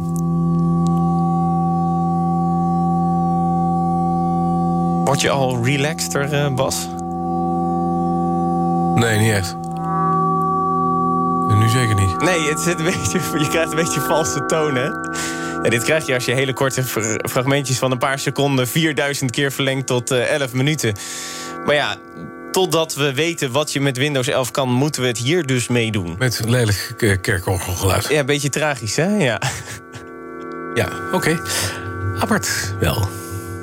Ja, het volgende keer gewoon maar een echte teaser... van wat we ja. misschien al kunnen verwachten. Nou, kijk, wij doen dat veel beter natuurlijk. Want uh, straks om half tien is het weer de schaal van hebben. Nou. En over teasers gesproken, die kan je sneller dan deze wachtmuziek doen. Wat, wat, wat, wat, wat krijgen we straks voor de kiezen? Met ja, het is, uh, uh, het is heel duur, kan ik je vertellen. Oh, dat is altijd fijn. Uh, Vindt Nina leuk. Ja. Het, uh, het, het, het, blaast heel erg, kan ik je vertellen. En er zit um, een zware accu op, maar ook een snoertje. Dus af en toe een snoertje, af en toe een accu. Een dure blazer met een accu. Ik heb geen idee. Het zal wel een trompetist zijn, maar dan geen automatisch. Bladblazer. We gaan het straks zien. He, bladblazer. Bladblazer. Een bladblazer? dat is nee. uitkijken, want er is hier net een epoxyvloertje gelegd. Straks trekken we daar gewoon een nieuwe ja, nou, spoor ik, in. Ik kan je alvast wel ja. vertellen. Ik weet niet of... Uh, we, wel, we hebben een nieuwe vloer. Ik, ik hoop dat het er goed oh, voor is. Oh, oh, ik ben heel benieuwd. Ik ook. Half Nog een blad. De BNR Tech Update wordt mede mogelijk gemaakt door Lenklen. Erwin de Hart van de is bij ons. Erwin, loopt het toch ergens vast? Ja, uh, bij Amsterdam op de A10, bij afrit Volendam. Daar uh, is een brandende, uh, hoe zeg ik dat, geluidswandsbegroeiing. Ken je dat woord? Geluidswandsbegroeiing. Ja, het, staat in ieder geval in brand. Ja, en, uh, snelweg, ja. Ja, ja, precies. Vier kilometer file levert het op. En eh, vergis je niet, het staat helemaal stil. Twee rijstroken zijn dicht. Er is ook een omleiding ingesteld. Verkeer richting Amersfoort, de oostkant van Amsterdam. Volg Ring West en Ring Zuid. Een ongeluk met een vrachtwagen op de A12 Arnhem richting Duitse grens... geeft minder vertraging. Toch wel een kwartier tussen Duiven en Afritbeek. En een flitser staat op de A58 of de naast... wegen op zomer richting Vlissingen... bij hectometerpaal 149,8. Nederland moet de bitcoin verbieden, schrijft de directeur van het Centraal Planbureau Pieter Haaskamp vandaag in het FD. Volgens hem is een krijgje van de munt onvermijdelijk. Er zijn allemaal mensen die hebben daar geld in gestoken. En die denken, dit is een geweldige belegging. En dat doen ze met geld wat ze niet kunnen missen. En als hij dan onderuit gaat, dan ben je het kwijt. Dus stoppen. Bitcoin-expert Bart Mol en presentator van de Satoshi Radio podcast is bij ons. Goedemorgen. Goedemorgen. Ja, wat vind je van het idee, Bart? Ja, ik, uh, ik vind het geen goed idee. Nee? Um, ik, heb het, ik heb het stuk snel, uh, snel gelezen vanochtend toen ik, uh, toen ik wakker werd. Want mm -hmm. kwam direct, direct in mijn financieel dagblad update. Dus het was, was groot nieuws, dit, dit opiniestuk. Ja. Um, ja, ik, ik heb er een paar dingetjes uitgepakt om even te kijken. Hij, hij zegt eigenlijk dat, ja, dat, dat we de bitcoin moeten verbieden. Um, en dat we de crypto-hype in moeten dammen. En hij, hij noemt eigenlijk als lichtend voorbeeld uh, China. Hè, en die al een, uh, al een handelsverbod hebben en nu ook bitcoin-accounts op social media blokkeert. Mm -hmm. En Nederland uh, blijft daarbij achter, zegt hij. Ja. En ja, wat ik daarbij denk is volgens mij... Ja ik, ik, ja, ik weet niet of wij hier een soort van China achteraan moeten gaan. Maar volgens mij is Nederland een land, of in ieder geval waar ik, een, een, waar ik in opgegroeid ben... een land van vrijheid en eigen verantwoordelijkheid. Ja. Um, en dat heb ik ook in het vaandel staan. Maar ja. blijkbaar verschil ik daar met, uh, met, uh, met, met Pieter. Dus ik zou gaan kijken waarom de mensen het doen. Ja, maar de, en, uh, Kijk, Bart, we hebben destijds ook de stekker uitgetrokken... uit, uit ongelimiteerde, uh, ongedekte hypotheken.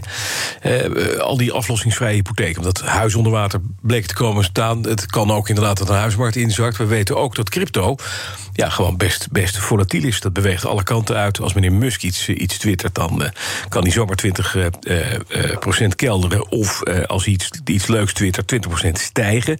Geen toezicht van bijvoorbeeld een Securities Exchange Commission.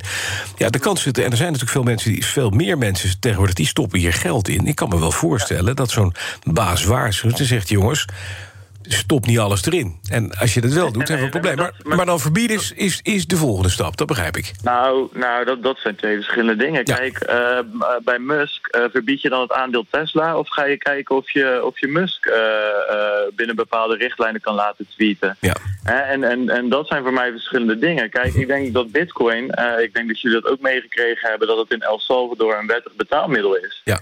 Het is voor zes, voor, voor, uh, er wonen 6 miljoen mensen daar. 70% heeft nog nooit een bankrekening gezien.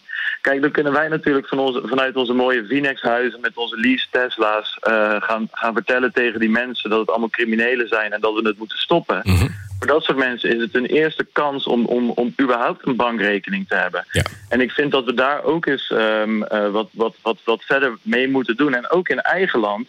En dat ontgaat Pieter, of in ieder geval in dit stuk schrijft hij um, bijvoorbeeld dat er de afgelopen decennia nauwelijks sprake is van geldontwaarding.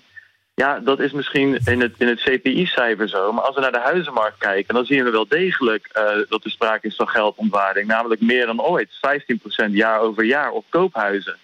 Kijk, het komt ergens vandaan dat mensen naar cryptomunten en in, in, in um, uh, vooral bitcoin vluchten.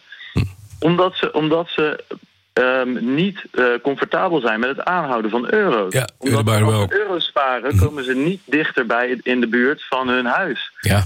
Sterker nog, dat huis verdwijnt elk jaar verder in de zon. Want je, jouw loonstijging houdt dat niet bij. Die 2% op jaar, daar ga je het niet mee redden. Nee, als een huis nee je krijgt, die krijgt niks voor de bank. Bij crypto is de kans dat... Maar ja, de kans is ook dat je het helemaal kwijt bent, hè?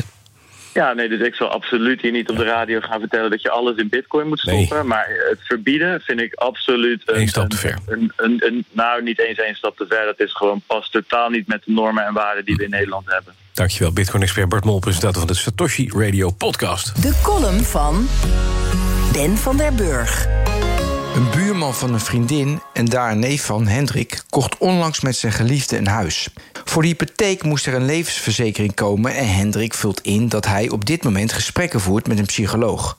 Hij wil wat zaken op een rijtje zetten: druk op zijn werk, woningstress, getuigen van een bloederig verkeersongeval. Ben je te dik, dan ga je naar de sportschool. Zit je hoofd vol, dan ga je naar de psycholoog. Gevolg, hij moet 7 euro per maand meer premie betalen vanwege zijn actieve copingstrategie. Jaren geleden zag ik het helemaal zitten. Je deelt je data met een verzekeringsmaatschappij en je wordt beloond als je in beweging komt. Nu denk ik, je laat je vrijheid toch niet beïnvloeden door een verzekeringsmaatschappij. In de basis is er echter niets mis als je gezond gedrag beloont en ongezond gedrag bestraft. De vraag blijft natuurlijk: waar ligt de grens? De AFM, de toezichthouder op de verzekeringsmarkt, waarschuwde afgelopen week dat door de grote hoeveelheden data in het bezit van verzekeringsmaatschappijen ongewenste effecten kunnen optreden. Uit het FD. Door al die data kan een verschuiving plaatsvinden van informatie. Verzekeraars weten dan veel meer dan de klant. Wat een probleem kan zijn, is dat de klant niet weet welke data worden gebruikt om tot een prijs te komen. Misschien maakt zelfs het tijdstip waarop de klant een offerte opvraagt uit voor de premie. Einde citaat. De grens in hoeverre je gedragsdata mee laat wegen bij het afsluiten van een verzekering bevat drie elementen. Ten eerste, natuurlijk solidariteit. Spreekt voor zich, geen woorden aan vuil maken. De tweede is transparantie. Hoe komt de prijs tot stand? Welke data wordt gebruikt en welke niet? Wie heeft de controle over de data? Die moet bij de klant liggen, maar in de praktijk raken burgers snel de controle kwijt over hun data. Dan ligt het bij de verzekeraar die ook concurrenten heeft. Kun je tenslotte, 3, iets doen aan het risico. Het AFM zegt dat de verzekeraars mensen niet moet straffen voor risico's waar ze niets aan kunnen doen. Kun je echter iets doen aan een ongezonde levensstijl? Naar mijn idee wel. Kun je er iets aan doen als je een verkeersongeval ziet? Naar mijn idee niet. Kwesties waar je wijsheid voor nodig hebt, geen data. Langzaam doch gestaag sluipt de klad in het mantra dat we ongebreideld data dienen te verzamelen om het gedrag van mensen te sturen naar grootse hoogte. En met die ontwikkeling is niets mis. Een nieuw hoofdstuk in Pieter Omtzigt Gate. Gisteravond lekte een gigantisch memo uit van de hand van Omtzigt zelf. Die zit al maanden overspannen thuis. In dat memo vertelt hij dat hij zich vaak onveilig heeft gevoeld binnen het CDA. En ook onder meer dat hij is uitgescholden voor psychopaat, teringhond, meer van dat soort termen. Het memo schreef Omtzigt voor de commissie Spies... die onderzoek doet naar de lijsttrekkersverkiezing tussen de jongen en Omtzigt. Het is dus wel een persoonlijk relaas, maar dat laat wel duidelijk zien... dat het er achter de schermen vrij heftig aan toe is gegaan tussen het CDA en Pieter Omtzigt. Ons breekijzer, zonder Pieter Omtzigt is het CDA ten dode opgeschreven. Is het huwelijk nog te redden tussen de partij en het voorkeursstemmenkanon... of kunnen de wegen beter scheiden? Hoe moet het CDA omgaan met de nu ontstaande situatie? Want ja, het brengt de partij toch maar weer ernstig in verlegenheid. Tune in, praat met me mee om 11 uur in BNR Breekt. Ook Bas van Werven vind je in de BNR-app. Ja, je kunt live naar mij en Iwan luisteren tijdens de ochtendspits. Je krijgt een melding van Breaking News. En niet alleen onze podcast Ochtendnieuws, maar alle BNR-podcasts vind je in de app. Download nu de gratis BNR-app en blijf scherp. BNR Nieuwsradio. De Ochtendspits. Bas van Werven. Goedemorgen, vrijdag 11 juni. Goedemorgen, Nina. Goedemorgen. Ja, het is vijf over acht. Ja, allereerst even een verhaal wat uh, Trouw en RTL Nieuws brengen... Hè, over de twee hoogste ambtenaren van de Belastingdienst... en het ministerie van Financiën... wat die wisten van een geheim gehouden memo over de toeslagenaffaire... en ontkenden dat vervolgens, dat zou mijn eet zijn... als ze dat hebben ge ge gezegd... Uh, ontkenden dat ze die memo kenden... onder Ede voor de parlementaire ondervragingscommissie. Dat is een memo in 2017. Uh, hij is ook in die bespreking al de memo Palme gaan heten. Um, staat dat het topzet, stopzetten van toeslagen onrechtmatig was... dat het compensatie nodig was. In 2019 werd die memo opnieuw besproken... tijdens crisisbesprekingen... waar ook de hoogste plaatste ambtenaren bij waren. Lagere ambtenaren die hebben toen gezegd... van nou, we gaan het niet archiveren. Op het moment dat je dat niet doet... dan komt het dus niet meer in de boeken voor... dan is het er niet. Nou, pas in het najaar van 2020 werd dat document alsnog openbaar... na vragen van CDA-kamerlid Pieter Omtzigt. Nou, het verdwijnen van het memo wordt momenteel onderzocht door PwC. Het gaat om twee topambtenaren, de voormalige belastingdienstbaas Jaap Uilenbroek... en topambtenaar bij Financiën Manon Leijten. Ja, die zeggen, die ken ik helemaal niet, die, die memo geen idee. Uh, ze twijfelen niet aan de verklaring van Leiden, zegt het ministerie van Financiën. Uilenbroek zegt dat hij tijdens het voor heeft geantwoord vanuit de herinneringen die hij hebt, dus ook hij is kwijt. Een andere Leiden, SP-Kamerlid en een van de twee uh, belangrijkste mensen in de onderzoekscommissie... die naast omzicht uh, handelde, Renske Leijten van de SP... die wil dat de vaste advocaat van het parlement kijkt... of er sprake is van mijnheid... en of de commissie wel alle gevorderde informatie kreeg van het ministerie. Voor de zomer moet er een debat plaatsvinden... waarin duidelijk wordt of er sprake is van misleiding van het parlement. Om iets na half negen, dus over een klein half uurtje... spreken we met SP-Kamerlid Renske over die kwestie. Ze is een van de pitbulls in die toeslagenaffaire... samen met nou, Pieter Volgende uh, uh, explosieve memo, dat is van zijn hand, Nina. Ja, precies. Want daar kwam hij gisteravond mee. Hè? Of althans, gisteravond lekte het uit. Een gigantisch memo, 76 pagina's groot waarin hij uit de doeken doet hoe hij vindt dat hij is behandeld de afgelopen periode bij het CDA. Daarin heeft hij onder andere gezegd dat hij is uitgescholden door medewerkers, fractiemedewerkers, collega's voor bijvoorbeeld psychopaat, zieke man, teringhond. Hij is een eikel genoemd, gestoord, labiel. abril Nou, um, dan hebben we interim-voorzitter Marnix van Rij van het CDA. Die zegt: Ik neem met kracht afstand van scheldpartijen aan het adres van Pieter Omtzigt. Um, want ja, dat het gebeurd is, is duidelijk geworden uit appberichten die onderling verstuurd zouden zijn door de leden van het CDA. Uh, en Van Rij zegt nu: uh, Dit is CDA-onwaardig. Dus um, nou ja, dat is in elk geval een eerste reactie die we horen. Verder sluiten de gelederen zich en hebben we vanuit het CDA nog niks gehoord over dat explosieve, brisante, zou ik willen zeggen, memo van de hand van uh, Omtzigt. Ja. Um, uh, het is uitgelekt gisteravond via de Limburger. Uh, dat was daar achter een betaalmuur. Geen stijl. Die plaatste hem vervolgens zonder te betalen voor iedereen openbaar. Nou, en daar lees je dus in hoe Omtzigt zegt: Ik voelde me heel erg onveilig in de partij op momenten. Ik werd gepasseerd bij het lijsttrekkerschap, toen hij het opnam tegen Hugo de Jonge en echt nipt van hem verloor. En uh, nou, Van Rij benadrukt dat Omtzigt, die momenteel natuurlijk al een tijd ziek thuis zit, dit stuk op persoonlijke titel heeft gemaakt. Niemand van de CDA-top heeft dit document al eerder ontvangen dan na de publicatie van, uh, van gisteren. En op de inhoud ga ik uh, verder niet in. Zo, het is nogal wat, hè? Het is bij elkaar nogal wat, ja. Ja, er zijn ook, ook andere dingen nog in. Dat vond ik ook wel een significante. Uh, de voormalige spindokter van het CDA, Jack de Vries... die was in het begin uh, betrokken bij de verkiezingscampagne. En uh, ja, iets wat ook weer in, die, in het verhaal van, van Omzicht staat... althans niet... hij zegt op Radio 1 dat mensen geen lagere plek op de lijst kregen... als ze voor Pieter Omtzigt als lijsttrekker waren. Jack de Vries. Weet je, er zijn altijd natuurlijk wel emoties en aanvaringen. Maar stellingen zoals bepaal dat mensen gevraagd werd: ben je voor Hugo uh, of, uh, of Pieter? En dat dat een plek op de lijst uh, bepaald zou hebben. daar kan ik echt naar waarheid van zeggen dat dat, dat, dat niet aan de orde is.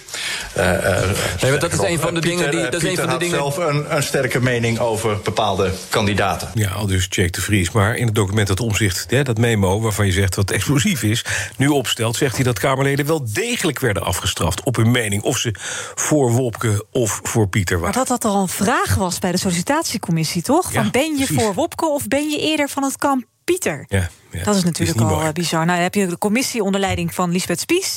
Die is dus bezig met een onderzoek naar de mislukte verkiezingscampagne van uh, de CDA. Dat rapport wordt nog voor het zomerreces verwacht. Nou, dat kunnen we even tellen. Dat is over drie weken. En uh, de jongerenclub CDJA, die heeft als enige verder ook nog gereageerd. En die zegt: Wij zijn geschrokken van de berichtgeving en de bevindingen omtrent Pieter Omzicht. Um, de eenheid moet terug in het CDA. Het moet weer een brede volkspartij worden. En iedereen die daar een bijdrage aan wil leveren, is wat ons betreft nodig.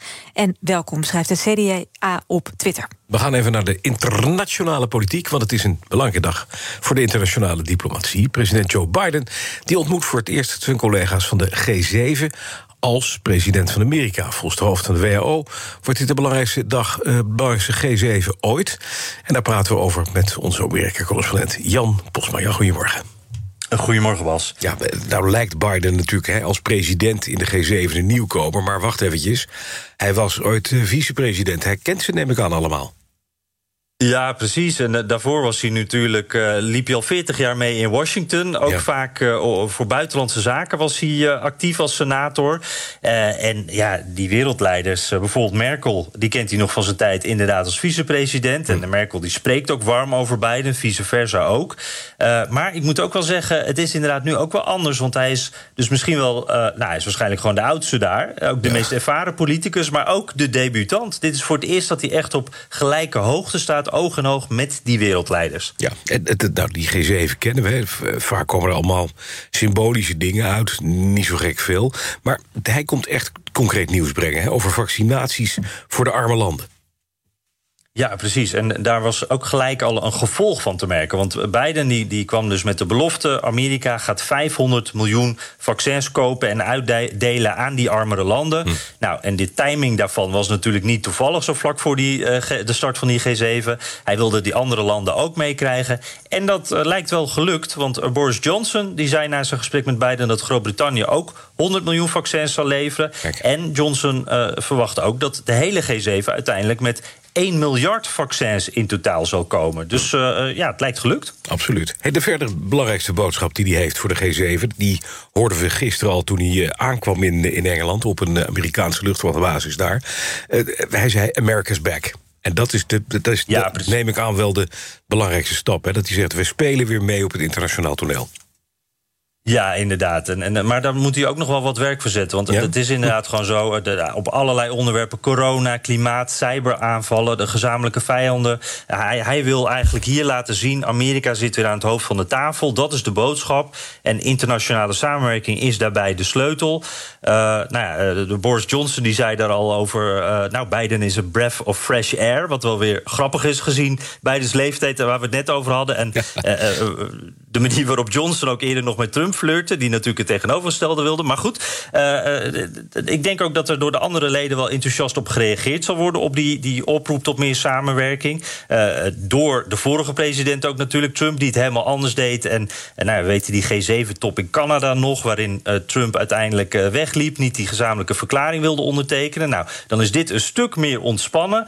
Maar uh, Biden moet daar ook toch wel wat mensen overtuigen. Want die andere G7-leiders die zien uh, hoe Amerika nog steeds verdeeld is. Hoe een deel van die Republikeinen Bidens verkiezingsuitslag niet erkent. Hoe Trump blijft schermen met een tweede termijn. Misschien wel in 2024 weer uh, kandidaat. Dus zij zullen zich ook afvragen: leuk dat Amerika terug is. Fijn van die samenwerking. Maar voor hoe lang zijn jullie terug? En ja, en, ja dat moet Biden dus wat vertrouwen zien ja, op te wekken. Precies, dat is belangrijk. Wat heb, hij strijdt, je zei het al, tegen twee grote landen die niet tot de G7 behoren, China en Rusland.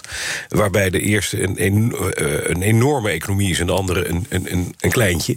Maar toch, ik neem aan dat hij daar ook probeert de hand op elkaar te krijgen... om die landen gezamenlijk aan te pakken vanuit de G7. Dat is precies wat hij wil. Hij, hij, wil de neuzen dezelfde kant op krijgen op dat punt. Ja. Hij wil optrekken met die andere G7-landen. En uh, er zit ook wel een duidelijke lijn in zijn trip. Hè? Uh, met mm -hmm. name richting Rusland. Want uh, we hadden eerst dus de speciale relatie met Groot-Brittannië. Die hebben we nu gehad. Nu komt de G7, daarna de NAVO... en dan uiteindelijk natuurlijk de top in Genève met Poetin.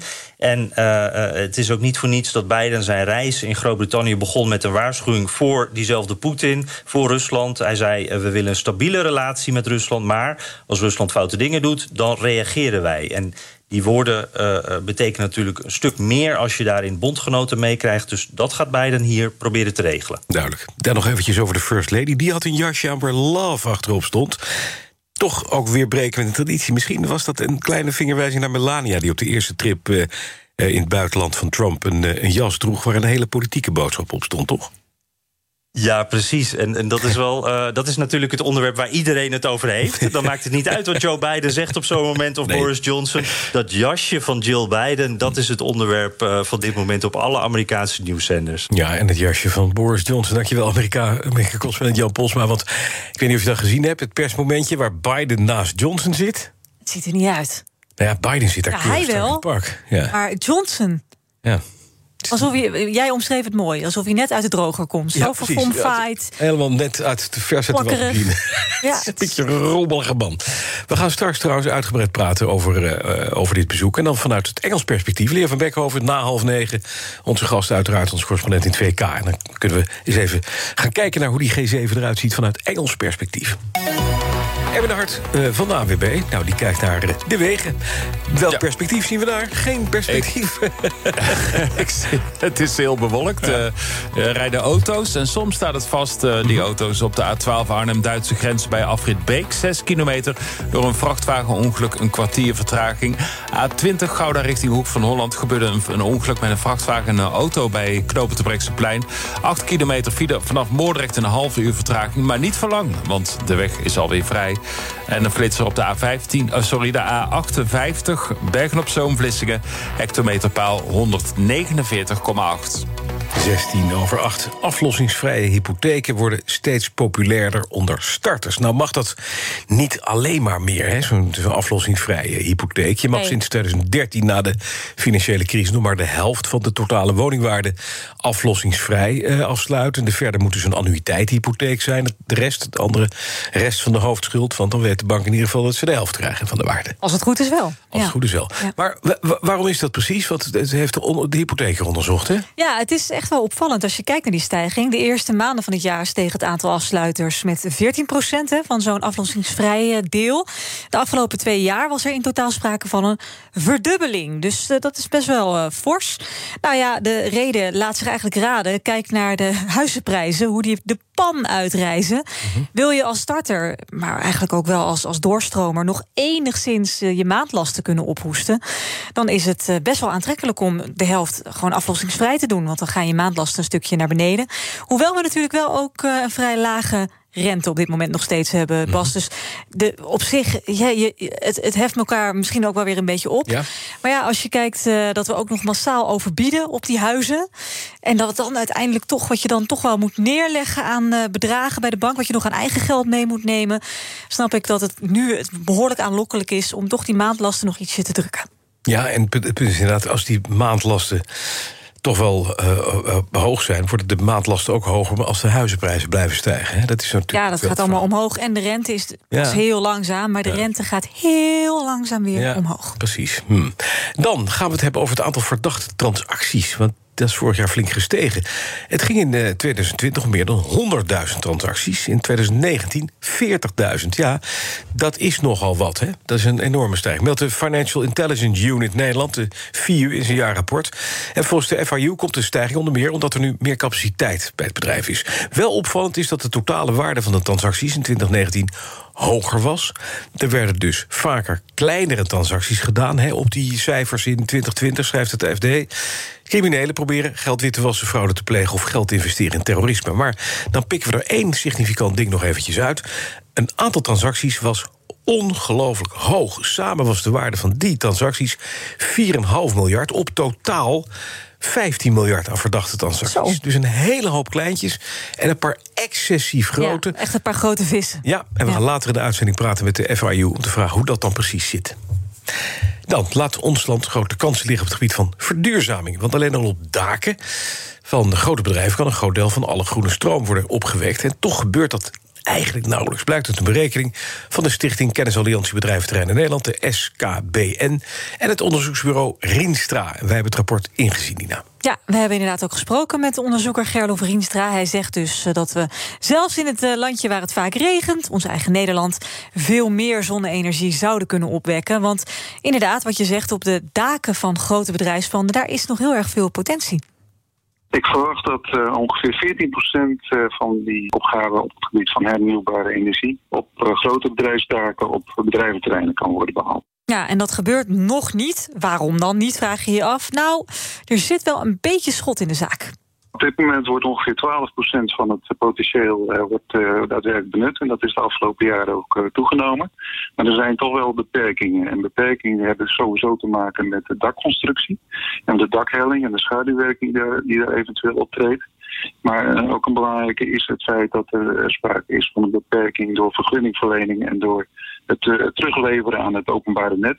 Want het openbare net heeft op dit moment onvoldoende capaciteit om alle teruggeleverde energie ook te kunnen verwerken. En dat beperkt in feite uh, het aandeel en, het, en de oppervlakte die, die daadwerkelijk gebruikt kan worden op zo'n uh, groot uh, plat dak. Ja, dus bij elkaar zijn dat nogal wat redenen waarom het eigenlijk niet opschiet. Wij stuurden onze verslaggever Martijn, Martijn de Rijk het dak, op, op ja, letterlijk. in Haarlem. en hij ging eens kijken hoe het er daaraan toe ging. Wij staan op het dak van uh, ja, uh, groothandel in uh, naaimachines. Global International. Frans de Vlieger. Frans de Vlieger, ja. Tegenwoordig ook energiebaron. Ja, ja het, is wel leuk. Heb ik, heb ik altijd al, nou, heb ik ben eigenlijk ik al tien jaar bij bezig. Ja, want wij kijken uit over een glooiend landschap van zonnepanelen. Ja, 1200. 1200. Dan hebben we het over 1800 vierkante meter ongeveer. Ongeveer, ja. ja. ja. En wat bezielt u om, dat, om daaraan te beginnen? Gevoel. Ik, had, ik wilde dat gewoon. Ik vond dat leuk. Ik vind het leuk om, uh, om, om gewoon zelf mijn energie op te wekken. Ja. ja en ik, ik, als, ik, ik, reken, ik ga ook niet uitrekenen of ik er geld af verdien of geld bij moet leggen. Ik, dat was gewoon mijn doel. Ja. Om dit te doen. Ik heb warmtepompen neergezet. Ik heb mijn hele bedrijf heb ik ledlicht gemaakt. Vind ik gewoon leuk. Ik eh, ben uh, Stan Verstraten namens uh, Parkmanagement Waardepolder uit Haarlem. Ja, en jullie helpen ondernemingen hè, met, met dit soort zaken. Met het volbouwen van, van het dak, met stroompanelen. Ja, wij vinden het belangrijk om bedrijven inzicht te bieden... in de mogelijkheden van zonne-energie. Inzicht in nou, wat levert het op aan energie en ook aan uh, wat levert het mij op aan, uh, aan euro's. Waar moet een ondernemer nou aan denken als hij, uh, als hij eraan begint? Als hij denkt van, hé, hey, mijn dak, groot zat, kom op, we zetten er zonnepanelen op. Nou, je moet eerst inzicht hebben in je stroomverbruik. Wat, wat heb ik nodig? En hoe groot is mijn dak? Wat kan er allemaal op? Is het dak belastbaar? Uh, want we zien zeker op een uh, verouderd bedrijfterrein als deze... dat veel bedrijfspanden uh, niet zijn gebouwd om ook nog eens een keer zonnepanelen op te leggen. Frans, het is stevig zat. Ja, jij, jij, bent niet, jij, bent niet, echt dik. Oké. bij, bij, bij, Frans is het gelukkig wel stevig genoeg. En, uh, daar moet je wel aan denken dus. Ja, ja. Dat, dat is wel heel belangrijk. En, uh, en, en, wat Frans ook net al aangaf... is uh, tijdig met de verzekeraar rond de tafel. Want mijn ervaring is dat, dat verzekeraars heel wisselend zijn... in wat zij, hoe ze het beoordelen, de zonnestroominstallatie op daken. Ik heb bijvoorbeeld een hele nieuwe flamboogdetectie aan moeten leggen. Ja, ik zag ze net. euro extra gekost.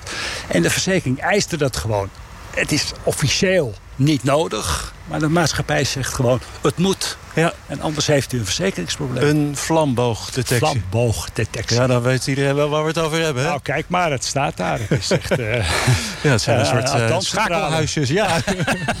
Hier, dit is hem, de flamboogdetectie. Wat me ook uh, belangrijk lijkt, dat is de stroom die je meer opwekt dan je zelf nodig hebt. Ja, die moet wel ergens naartoe kunnen. Is, is, kan dat netwerk het allemaal maar aan? Uh, als we gaan terugleveren, dan, moet, dan moeten de kabels dik genoeg zijn... Om, zodat het net het aan kan. En uh, dat, uh, dat, gaat, uh, dat gaat knellen in de toekomst. Zeker als we ook nog met, met grootschalige windenergie gaan werken. Ja, oké. Okay. Dus eerst met de verzekeraar, verzekeraar, praten, daarna met de netwerkbeheerder. Nou, de netbeheerder. Juist, ja. misschien nog eerder andersom, maar dat is wel wat je sowieso moet doen, ja. Nou heeft Frans de Vlieger het allemaal zelf gefinancierd, maar dat hoeft niet, toch? Nee, dat, dat hoeft inderdaad niet. Als ondernemer heb je, heb je soms een groot dak. Uh, en mogelijk even wat minder liquiditeit om zelf te investeren. En dan kun je ook je dak ter beschikking stellen aan een energiecoöperatie. En die energiecoöperatie gaat er zonnepanelen op leggen. Dan heb jij niet de kosten, maar uh, uh, heb je wel een dak vol met zonnepanelen... waar weer bewoners uit de stad van kunnen profiteren. En zo zien wij dat ook al bij een aantal uh, bedrijven hier in het, op het bedrijventerrein. Die hebben voor die regeling gekozen. Zij Stan Verstraten, die projectleider verduurzaming in de Waarderpolder in Haarlem. Dat is een groot industrieterrein. En Frans de Vlieger, die hoorde je ook, directeur van IMCA Global... in een verslag van Martijn de Rijk. Dan is er groot nieuws in Zuid-Korea. En het werd inmiddels ook al op CNN gemeld, begrijp ik. Want groot nieuws? Steeds kleiner nieuws eigenlijk. Nee, eigenlijk wel, ja. Want de Veiligheidsdienst heeft een aantal video's naast elkaar gelegd in Zuid-Korea. En daaruit zeggen ze te kunnen afleiden dat de Noord-Koreaanse dictator Kim Jong-un in korte tijd heel wat gewicht is verloren. En dat kun je inderdaad goed zien op die video's. De hemelse leider is echt respect. Hij zit nog steeds in dat grijs uh, pak, weet je wel, dat, dat, dat soort Mao-pak. Mm -hmm. Maar hij is stukken dunner, zo lijkt het. Uh, maar je ziet het met name, zo zegt de Zuid-Koreaanse televisie... gebaseerd op die veiligheidsdienstclips, aan de, het lengte van de lipje van zo'n horlogebandje. Dat dingetje wat je door de. Door de uh, door, ja, door dat pilletje doet. Door ja, doet. Ja. Dat is een stukje langer geworden. Hij draagt graag een 10.000 euro kostende gouden IWC. Dat heeft de Noord-Koreaanse dictator dan weer wel aan een leren bandje. Dat bandje zit nu dus minder strak. Uh, aan het eind van het vorig jaar kwam de dictator, dat is een hele slechte grap. Altijd oh. minder vaak in beeld. Maar nu zie je dus dunner terug. Of hij nou afgevallen is uit eigen vrije keuze... of dat het te wijten is aan zijn gezondheid. als voer voor speculatie. We weten dat zowel zijn vader als zijn grootvader... destijds overleden aan een hartinfarct. Ja, hartinfarct, vaatziekte komt dus in de familie Kim voor. En hij is de zwaarste van de drie. Hè? Zijn mm. zwaarlijvigheid wordt al jaren gezien als een risico. En waarom willen we dat nou als Westerling allemaal weten? Nou, in geopolitieke zin is het belangrijk. Want de vraag is, wie gaat hem opvolgen? En wie wordt dan zijn grootste vriend. Ja. Trump is er ook niet meer. Nee. Bij BNR ben je altijd als eerste op de hoogte van het laatste nieuws. Luister dagelijks live via internet. Bas van Werven. En heel langzaam komt de zon op rond dit tijdstip. Je krijgt inzicht in de dag die komt op BNR, het Binnenhof in Nederland en de rest van de wereld. De Ochtendspits. Voor de beste start van je werkdag. Blijf scherp en mis niets. BNR Nieuwsradio. De Ochtendspits. Bas van Werven. Het is vier over half negen. Goedemorgen. De G7 gaat vandaag van start. De eerste top sinds de uitbraak van de coronapandemie in Cornwall... in het uiterste zuiden van, het, van, uh, van Engeland. En uh, daar ontvangt Boris Johnson onder meer uh, Joe Biden... heeft hij gisteren al één op één gesproken. Maar ook Macron en Merkel. En president Biden maakt zijn opwachting als bijvoorbeeld teken... naar bijvoorbeeld Rusland en Amerika Sorry, eh, nou, daar klopt geen donder van, sorry. Naar bijvoorbeeld Rusland, dat Amerika en de EU één blok zijn. Daar gaat het natuurlijk uiteraard om. We gaan naar Lia van Beckhoven, onze correspondent in het VK. Lia, goedemorgen. Goedemorgen. Ja, hij zei het gisteren al, hè? America's back. Uh, hij kent ze natuurlijk allemaal heel goed, want was vicepresident onder... Uh, onder Obama. En voor die tijd ook nog eens minister van Buitenlandse Zaken. Dus hij kent deze, deze poppetjes allemaal volgens mij heel erg. Precies. Maar dat hij daar nu staat als president, wat betekent dat? Wat voor, hoe moeten we dat zien? Nou, ik denk um, het beste scenario voor Biden, wat, wat hij echt beoogt te laten zien op, uh, op zijn best, zal ik maar zeggen, de beste uitkomst zou zijn uh, te laten zien dat de westerse democratieën weer terug zijn. Ja. Onder sturing van de VS. Kijk, de afgelopen vijf, zes jaar uh, zijn het de, de autoritaire regeringsleiders geweest. Hè, die, de, die de toon uh, mondiaal gezet hebben. Nou, wat Biden betreft gaat de klok teruggedraaid worden. Mm -hmm. Washington is niet meer afzijdig. Um, hij, dat bedoelde hij ook hè, toen hij gisteren zei: uh, wij zijn terug. Hij wil benadrukken dat hij um, natuurlijk op de eerste plaats de banden met het Verenigd Koninkrijk en de Europese Unie opnieuw gaat aantrekken. Het plan is echt spijkers met koppels slaan. Uh, vooral over de belangrijkste agendapunten: klimaatwijziging, heropleving van internationale economieën sinds de pandemie en zo. Maar gaat het allemaal lukken? Het is altijd moeilijk, hè? Om te zeggen uh, wat dit soort conferenties uh, opleveren. precies. Ja, precies. Ik denk altijd, let op de percentages, kijk naar de cijfers en kijk naar de afgesproken en de beloofde deadlines. En pas later kun je zien, denk ik, of die beloften echt zijn waargemaakt. Maar het is een indrukwekkende agenda. Absoluut. Even eh, kijken vanuit de positie van Boris Johnson. Boris Johnson, je zei het al, die was, hè, als we nou kijken naar al die sterke wereldleiders die we hadden tot een aantal jaren geleden. Ja. Hij was een vriendje van Trump. Dat moest hij ook wel in het ja. kader van de Brexit. Er moesten uh, handelsakkoorden worden gesloten met Amerika. Hij was duidelijk een, een pro-Trump-man. Uh, nou, ik heb hem gisteren gezien. Hij is ineens duidelijk een, een Joe Biden-man. Wie is, hoe is de real deal bij de familie Johnson? Je, je, hebt gelijk, hij werd afgeschilderd als, als een uh, bleke versie... in alle betekenissen van het woord, uh, van, uh, van Trump. Ja. Maar dat hij zich nu voegt naar een nieuwe wind uit Washington... dat is precies waar Johnson zo goed in is. Daar blinkt hij in uit. Ja. De Britse premier is geen ideoloog. Um, hij ziet zichzelf vooral als een pragmatisch een leider. Ja. Dus inderdaad aanpassen aan een nieuwe wind, dat is het uit Washington, dat is het probleem niet. Hm. Bovendien denk ik is het beeld dat toch vooral de Amerikanen hebben van uh, de Britse regeringsleider als een, als een Europese Trump toch te kort door de bocht. Ja. Uh, uh, Boris Johnson gelooft om te beginnen zeker in een sterke rol van de overheid. Dat heeft hij de afgelopen maand ook laten zien ehm, bij die pandemie. Hij gelooft ook in de gevaren van klimaatwijziging, ook een hele grote belangrijke kwestie. Allemaal zaken hm. waar Trump, die Trump Trump afwees. Ja, gaat het nog over de Brexit? Uh, want ja, ja, het is een heel belangrijk punt natuurlijk... dat sinds die Brexit Engeland een beetje op zichzelf staat... en wel naar Amerika moet uh, kijken... willen ze nog wat, wat kunnen meespelen op het internationaal. Dat zou je van een Brit nooit horen, maar zo kijken wij als Nederlanders er wel tegenaan. Maar hij, hij nou, moet wat, hè? Het, het, het, merkwaardige is dat um, Brexit eigenlijk een kwestie is tussen de Europese Unie en Groot-Brittannië. Hm. En eigenlijk het onderschoven kind was um, uh, van deze klimaat, van, van deze, deze top, uh, top ja. de rekening van deze top. Maar het lijkt alsof Brexit um, de hele top uh, laat imploderen. In ieder geval, de start is gedomineerd geweest gisteren door Brexit. En ook vandaar heeft Macron beloofd uh, daar zijn eigen ding over te zeggen. Uh, dat is niet wat Johnson uh, bedoelde. Wat hem betreft is Brexit van de agenda gevoerd. Hij zei laatst tegen een journalist: Brexit is een leeggezogen citroen. Niks meer over te zeggen. Maar het staat nu dus twee keer op de agenda. Ja. En enkel omdat Joe Biden bang is dat het gedoe om de Ierse grens, het Ierse vredesakkoord, uh, gaat ontrafelen. Dus dat is de reden waarom er over gepraat moet worden. Brexit kan niet langer genegeerd. Nee, of de problemen, tussen, sorry, de problemen die Brexit oplevert aan de Ierse grens uh, tussen Brussel en Londen. Ja, en je zei al eerder deze week, eh, vergis je niet, Biden is een Ier. Hè?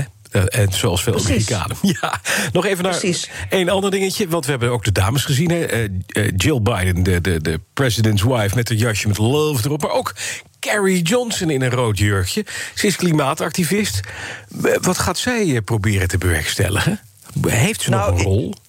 Het, het, programma van de, van de partners is niet op voorhand vrijgegeven nog. Wat ik je wel kan zeggen is dat dit de eerste grote bijeenkomst is, inderdaad, waar de nieuwe echtgenote van Johnson, hè, uh, morgen twee weken geleden getrouwd, uh, met uh, de Britse premier gastvrouw zal zijn. Ja. ze is de verreweg de jongste van alle partners, hè, ze is 33 ik zou er niet onderschatten. Kijk, ze kent het belang van goede PR. Hm. Ze deed jarenlang public relations voor de Tories, voor de Britse Conservatieve Partij. Dat is ook hoe ze Johnson uh, ontmoet heeft. Um, ze heeft hele uitgesproken meningen over een aantal agendapunten. Zoals je zegt, ze is klimaatactiviste ja. bijvoorbeeld. Ze was erg actief in de Brexit-campagne. Genoeg gesprekstof, zou ik zeggen. We gaan het zien wat het allemaal worden gaat. Dankjewel, Lia van Beckhoven, onze correspondent in het Verenigd Koninkrijk. BNR Nieuwsradio, de ochtendspits. Ja, twee hoogste ambtenaren van de Belastingdienst en het ministerie van Financiën wisten van een geheim gehouden memo over de toeslagenaffaire. Zo meldde Trouw en RTL Nieuws, terwijl ze dat ontkenden in hun verhoren onder Ede voor de parlementaire ondervragingscommissie. Een van de leden van die onderzoekscommissie en een van de aanjagers van de toeslagenkwestie is SP-Kamerlid Renske Leijten. En die, nu, die is nu bij ons. Mevrouw Leijten, goedemorgen.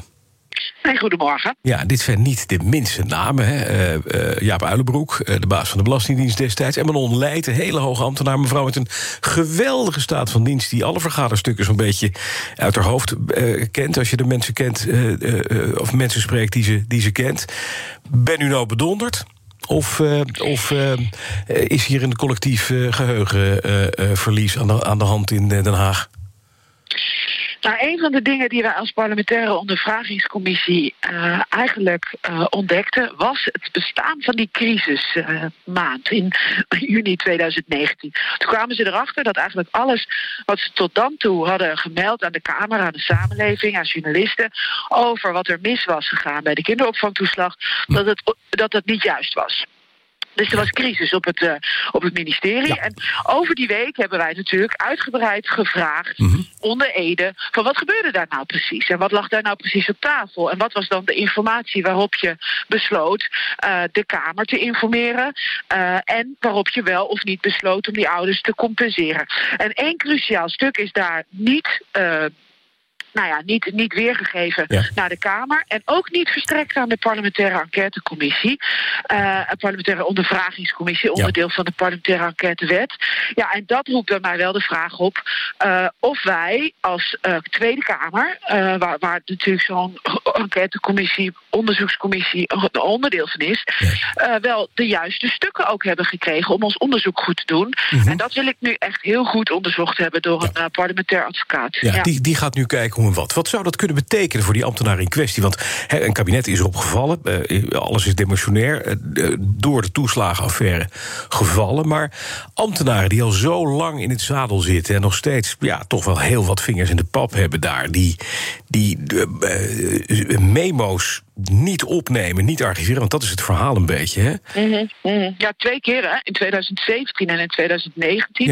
En het is wel cruciaal, Memo, want het zegt nou. de Belastingdienst zit van A tot Z fout. De ouders die dit betroffen zouden gecompenseerd moeten worden.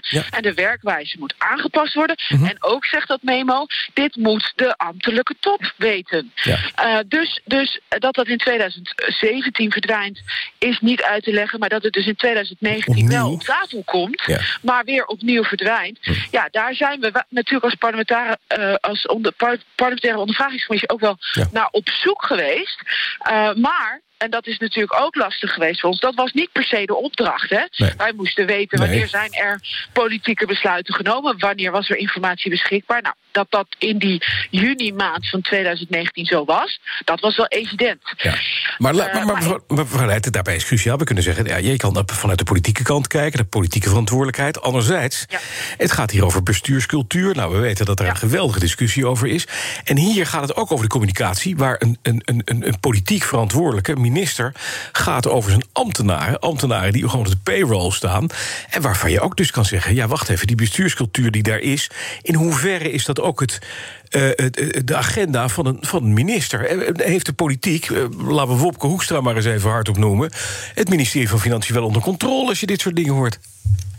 Nou, wat heel erg zorgen baart is dat dit de hele ambtelijke top is geweest. Mhm. Zeker ook di direct politieke top, hè, onder, onder de staatssecretaris en minister. Die dus wisten van dit memo en die, da die daarover geen herinnering hadden. Maar wat dus ook aanvankelijk helemaal niet bij de parlementaire enquêtecommissie, kwam. Nee. ondervragingscommissie kwam. En daar, omdat het zo serieus is, vind ik dat je dus echt hier juridisch ook goed moet naar laten kijken. Mhm. uh, ik, uh, we, we, kunnen op hele hoge toon zeggen, er is dus gelogen, er moet dus uh, ik, ik vind dat je het altijd zuiver juridisch moet onderzoeken.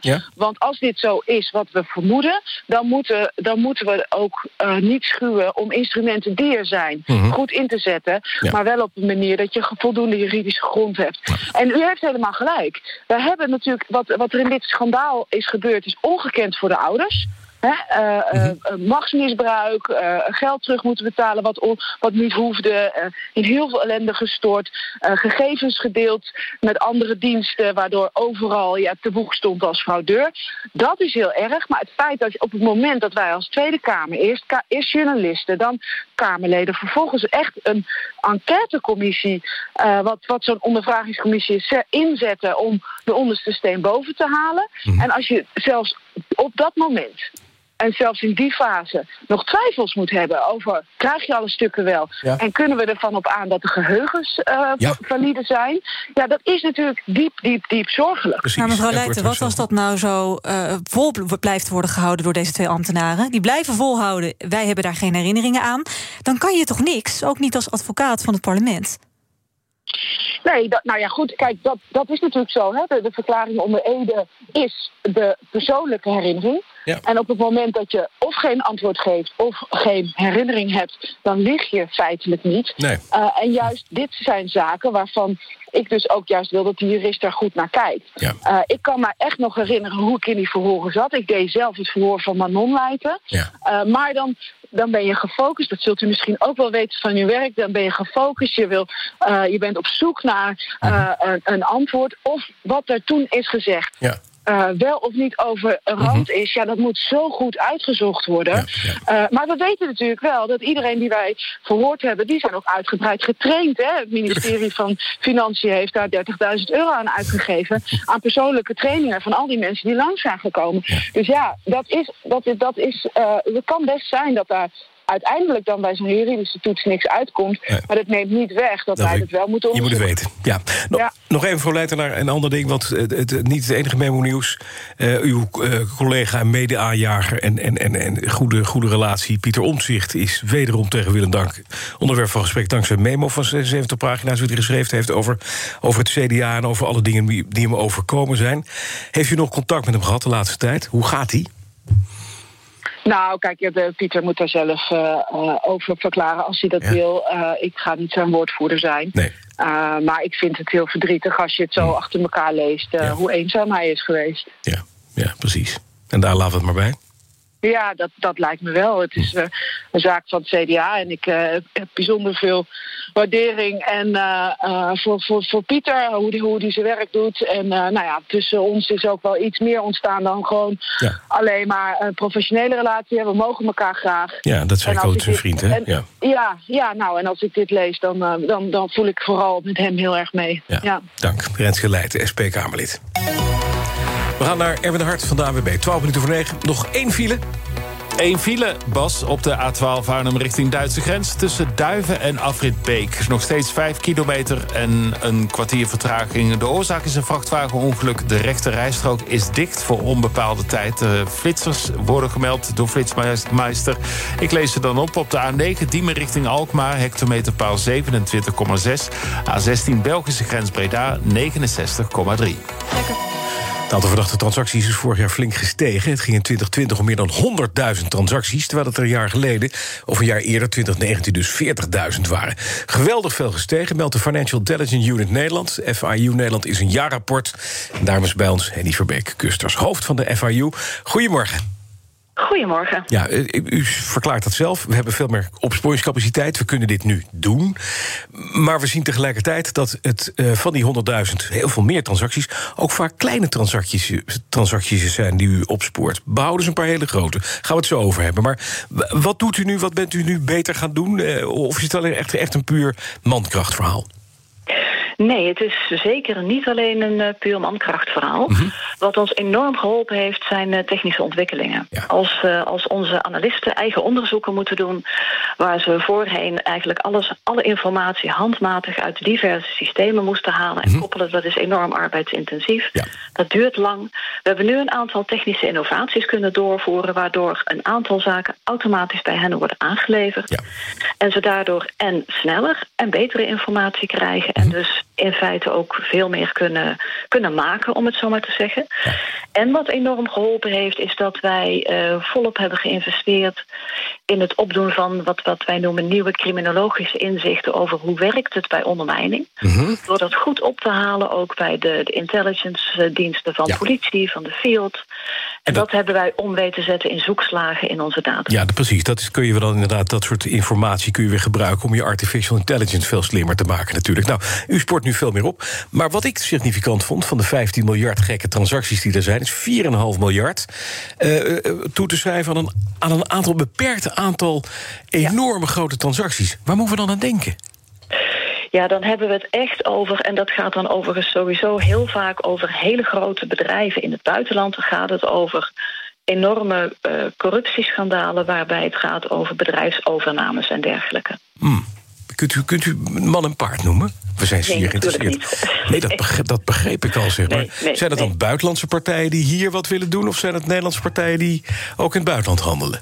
Dus zover nou, kan u wel. Het, is, het, is, ja, nou, het zijn vaak transacties die door instellingen in Nederland worden gezien. Ja of ondersteund, maar die dan te maken hebben met uh, zaken die in het buitenland in deze gevallen hebben plaatsgevonden. Ja. En uh, waarvoor wij dus dan informatie krijgen van een buitenlandse FIU... of waarvoor informatie wordt opgevraagd bij ons door een buitenlandse FIU. Ja, nog maar eens even zo'n schot voor de boek. Zijn er dan ook grootbanken in Nederland betrokken bij dat soort deals? Daar kan ik niks van zeggen. Dat vreest ik al.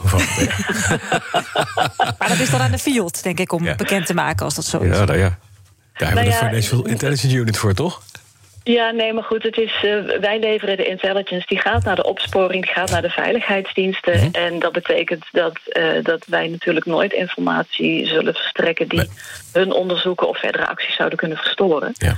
Dus dat betekent dat ik echt in die zin beperkt ben in het vertellen... wat, wat wij doen en over hoe wij het doen. Maar uh, de, de precieze zaken waar het over gaat, man en paard... Ja, dat, dat kan en zal ik nooit noemen. Helaas, dank u wel. Henny Verbeek-Kusters is hoofd van de FIU... de Financial Intelligence Unit Nederland. Auto-update. Lijkt spannend, hè, dit soort dingen. We kunnen er van alles bij voorstellen, natuurlijk. Ja. Ik ga iets meer zeggen, hoor. Automotive Intelligence Unit Nederland zit, uh, zit hier aan tafel. Nou, Broekhoff van de Nationale Autoshow. Tesla heeft een Model S Plaid.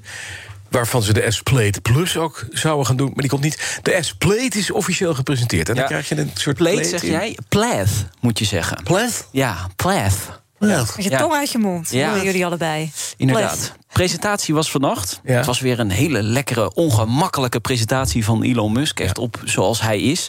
Het is de meest krachtige Model S die er is. Ruim 1000 pk, 0 tot 60 mijl in de 1,99 seconden. Een range van 390 mijl.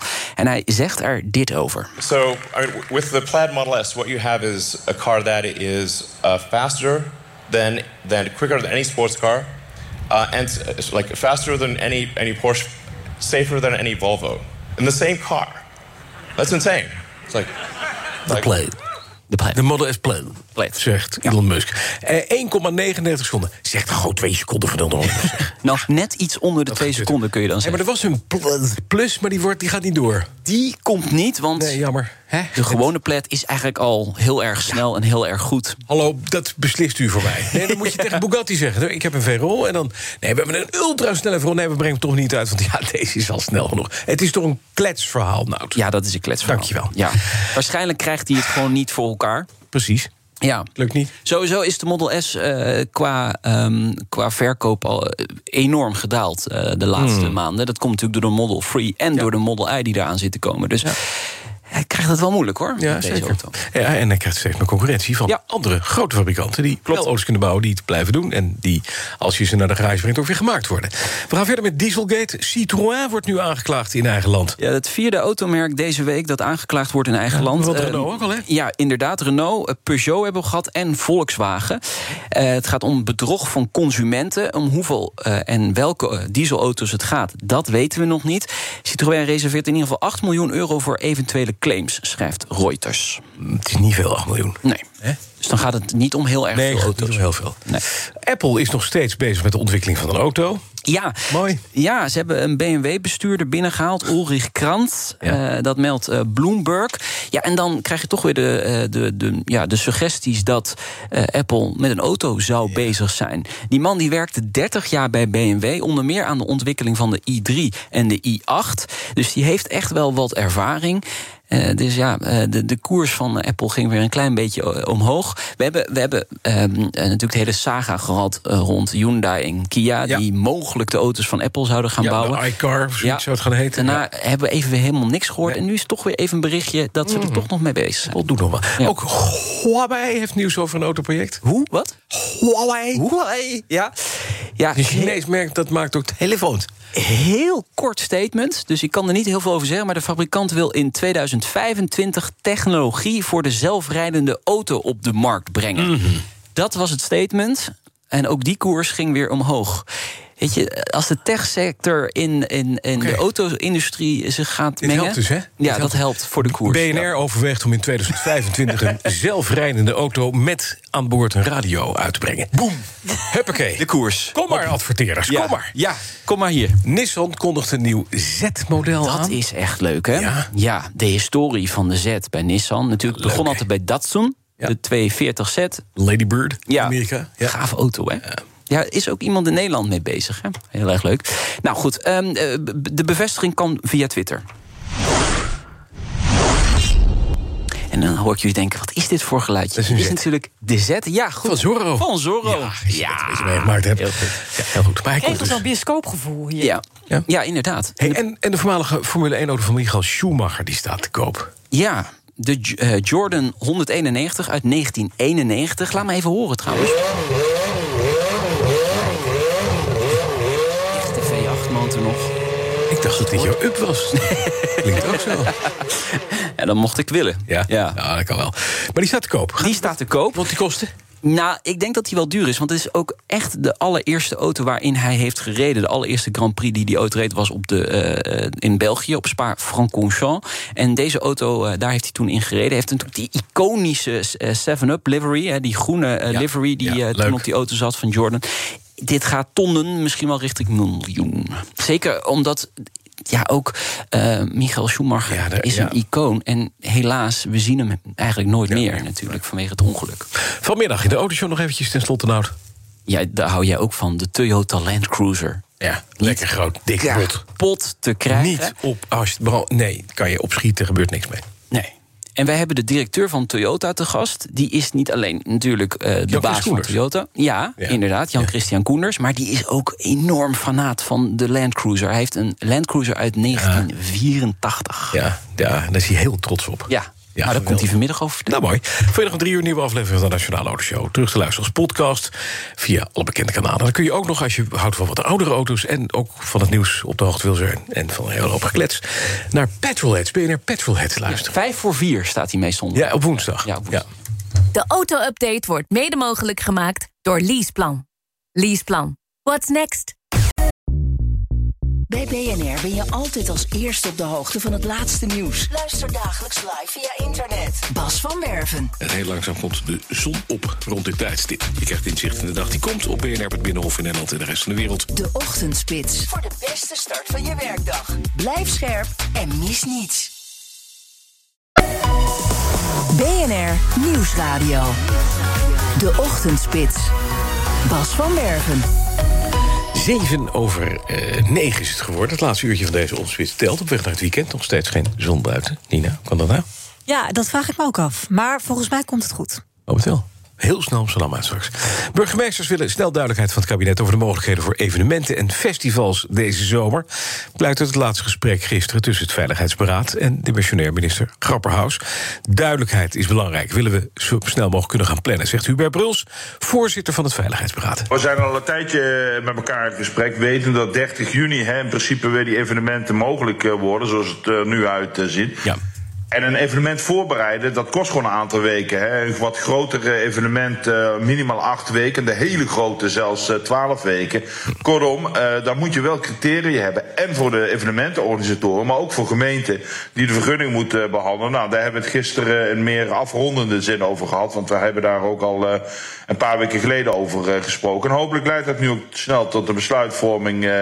En de duidelijkheid in welke richting dan ook. Hè, want hier moet je keuzes in maken. En geen enkele keuze heeft alleen maar voordelen. Duidelijk. Maar is er nog tijd, inderdaad, in het, in het, in het licht wat u net schetst? Je bent Jawel, gewoon weken... Kijk, we zijn natuurlijk gaan voorbereiden. Hè. We hadden uh, de afspraak gemaakt uh, landelijk... dat we tot en met 6 mei geen aanvragen voor evenementenbehandeling zouden nemen. Hè. Op dat moment was ook al het verboden.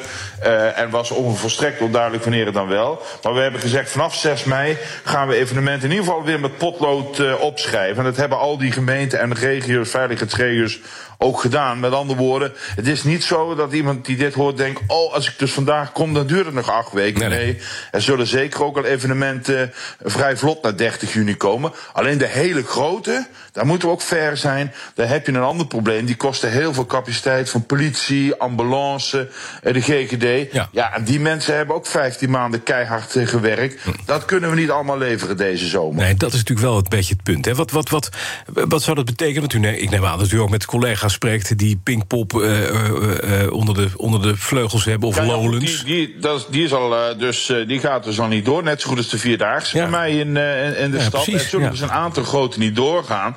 een aantal ook wellicht wel. En dan zal er een grote beroep worden gedaan op het organisatoren zelf kunnen regelen. Bijvoorbeeld qua beveiliging. Uh, je moet dan heel erg goed uh, je testen, hè, de toegangstesten ja. uh, regelen. Dat is een ander punt. Niet elke evenement kun je afgrendelen en 100% mensen controleren op, op testen. Hè. Ik bedoel, als er een hardloopwedstrijd is en mensen langs de kant. Ja, dat is wat wij dan zo mooi noemen een open evenement. Daar kun je veel aan doen. Nou, nee. Dat is dus ook een van de vragen. Ja.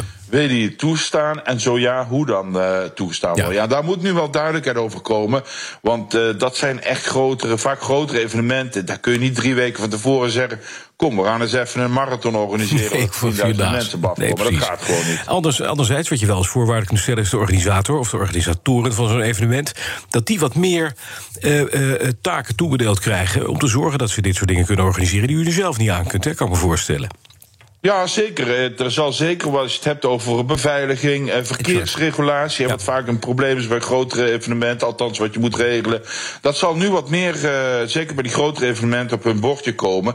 Kijk, en heel veel van die kleinere evenementen, een, een leuke kermis, een braderie of zo. Ja, dat, dat hoeft het niet uh, te zijn. Daar is alleen van belang, wat zijn de voorwaarden, hoe zit het met die anderhalve meter. Uh, maar die zijn op zich nog betrekkelijk goed te organiseren zonder dat je heel veel politie of ambulance medewerkers nodig hebben. Maar bij die grotere evenementen zal er zeker meer gevraagd gaan worden van de organisatoren. En dat zijn Hubert Bruls, voorzitter van het Veiligheidsberaad. We gaan eens eventjes naar een uh, ja, rondje luchtvaart maken. Altijd leuk, Nina. Ja. Hoe zit dat? Vertel. Nou, Air France KLM, British Airways uh, moeder IAG... Lufthansa, Ryanair en EasyJet... die vinden allemaal dat ze te veel moeten betalen aan reizigers... die uh, te maken hebben met vertragingen en annuleringen van vluchten. Want dan kan je een behoorlijk uh, deel van het ticket kan je terugclaimen. Hè? Nou, ze noemen de huidige financiële compensatieregeling... Uh, echt niet realistisch. Zeker niet nu, hè, in deze tijd. Omdat ze natuurlijk veel geld hebben verloren in de coronapandemie. Ja. De vliegtuigen stonden massaal aan de grond. Dat hebben ze, heeft ze bij elkaar meer dan 10 miljard euro gekost. Ja, hoewel veel reizigers konden worden omgeboekt... moesten de toch nog wel veel geld betalen aan klanten die compensatie eisten, hè, omdat de vluchten geannuleerd werden. Ja. Nou, dan heb je bijvoorbeeld topman Ben Smit van Air France KLM. Die had hierover overleg met zijn collega's van andere grote vliegmaatschappijen in Europa. En hij zegt nu van nou, we zijn het er allemaal wel over eens. Die regels voor het annuleren moet je gewoon aanpassen. Ja. En uh, daar moet de Europese Commissie uh, naar gaan kijken. Dat gaan ze naar verluid ook doen. Ze willen gewoon minder betalen. Daar komt het op. Ja. Precies. Bottom line. Ik denk dat wij als uh, consument daar alweer wat, wat anders over denken. Ja. Nou, je weet dat er ontzettend veel te doen is. Want er wordt niet alleen een EK voetbal vanaf vandaag uh, gespeeld in Europa. Maar de Copa America. Die gaat gewoon door in Brazilië. Ondanks protesten vanuit de politiek en een vakbond. Tegen het doorgaan van het Zuid-Amerikaans voetbalkampioenschap. Het Hoge Rechtshof heeft die protesten nu afgewezen. Je weet dat uh, Jair Bolsonaro, de grote president, de, zeg maar de Trump van Zuid-Amerika, die heeft gewoon gezegd: nee, het gaat gewoon door. Terwijl er daar een enorme uh, uh, hoop uitbraken zijn en heel veel mensen sterven. En het is gezegd: van het is idioot als je dat laat plaatsvinden. Maar Allah. Meerderheid van de elf rechters die was na een virtuele zitting van mening dat er geen reden is om die Copa America die aanstaande zondag begint af te blazen. Het is een toernooi tussen de tien grootste landen uit Zuid-Amerika. Daar kan wel een beetje gevoetbald worden. Zou in Colombia en Argentinië worden gehouden. Maar Colombia trok zich terug vanwege politieke onrust in het land. Er Argentinië zegt ja, wij niet, want wij zitten met corona. En dus zei Brazilië, nou, hoewel ze COVID-19 ongeveer uitgevonden hebben, doe het maar lekker bij ons. Maar, maar dan met publiek of zonder publiek in de stadions? Nou, dat is een beetje de vraag. Uh, het, het gaat erom dat ze inderdaad wel met publiek gaan spelen. Ongelooflijk. Ja, dat... En wat denk je van het kijken? Hè? Want mensen kijken massaal voetbal daar. Waarschijnlijk dan ook op grote pleinen met schermen, et cetera. Nou, uiteindelijk is nu wel het verhaal... Uh, uh, het gastland uh, Venezuela... Sorry, gastland tevens titelverdediger Brazilië... opent zondag tegen Venezuela. Mhm. Mm -hmm. Inderdaad, Bolsonaro heeft gezegd... gewoon stadions vol, moeten gewoon doen. Hè. Het is gewoon leuk, het is interessant. Nou, dat mag niet. De 47e editie wordt nu gespeeld zonder publiek. En alle teams moeten in hun eigen bubbel blijven. Heel benieuwd wat hiervan terecht gaat Op straat, nou, ik maak me er zorgen over. Dat begrijp je.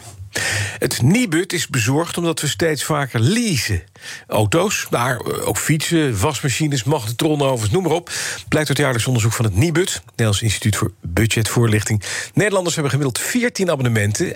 Maar die moet je wel allemaal keurig betalen, wil je niet in de problemen komen. En Arjan Vliegendhart, directeur van het Nibud, vindt dat het probleem niet per se bij het leasen ligt, maar bij de check vooraf. Waar wij ons met name zorgen over maken, is dat niet gecheckt wordt of mensen ook daadwerkelijk datgene wat ze leasen ook duurzaam kunnen betalen.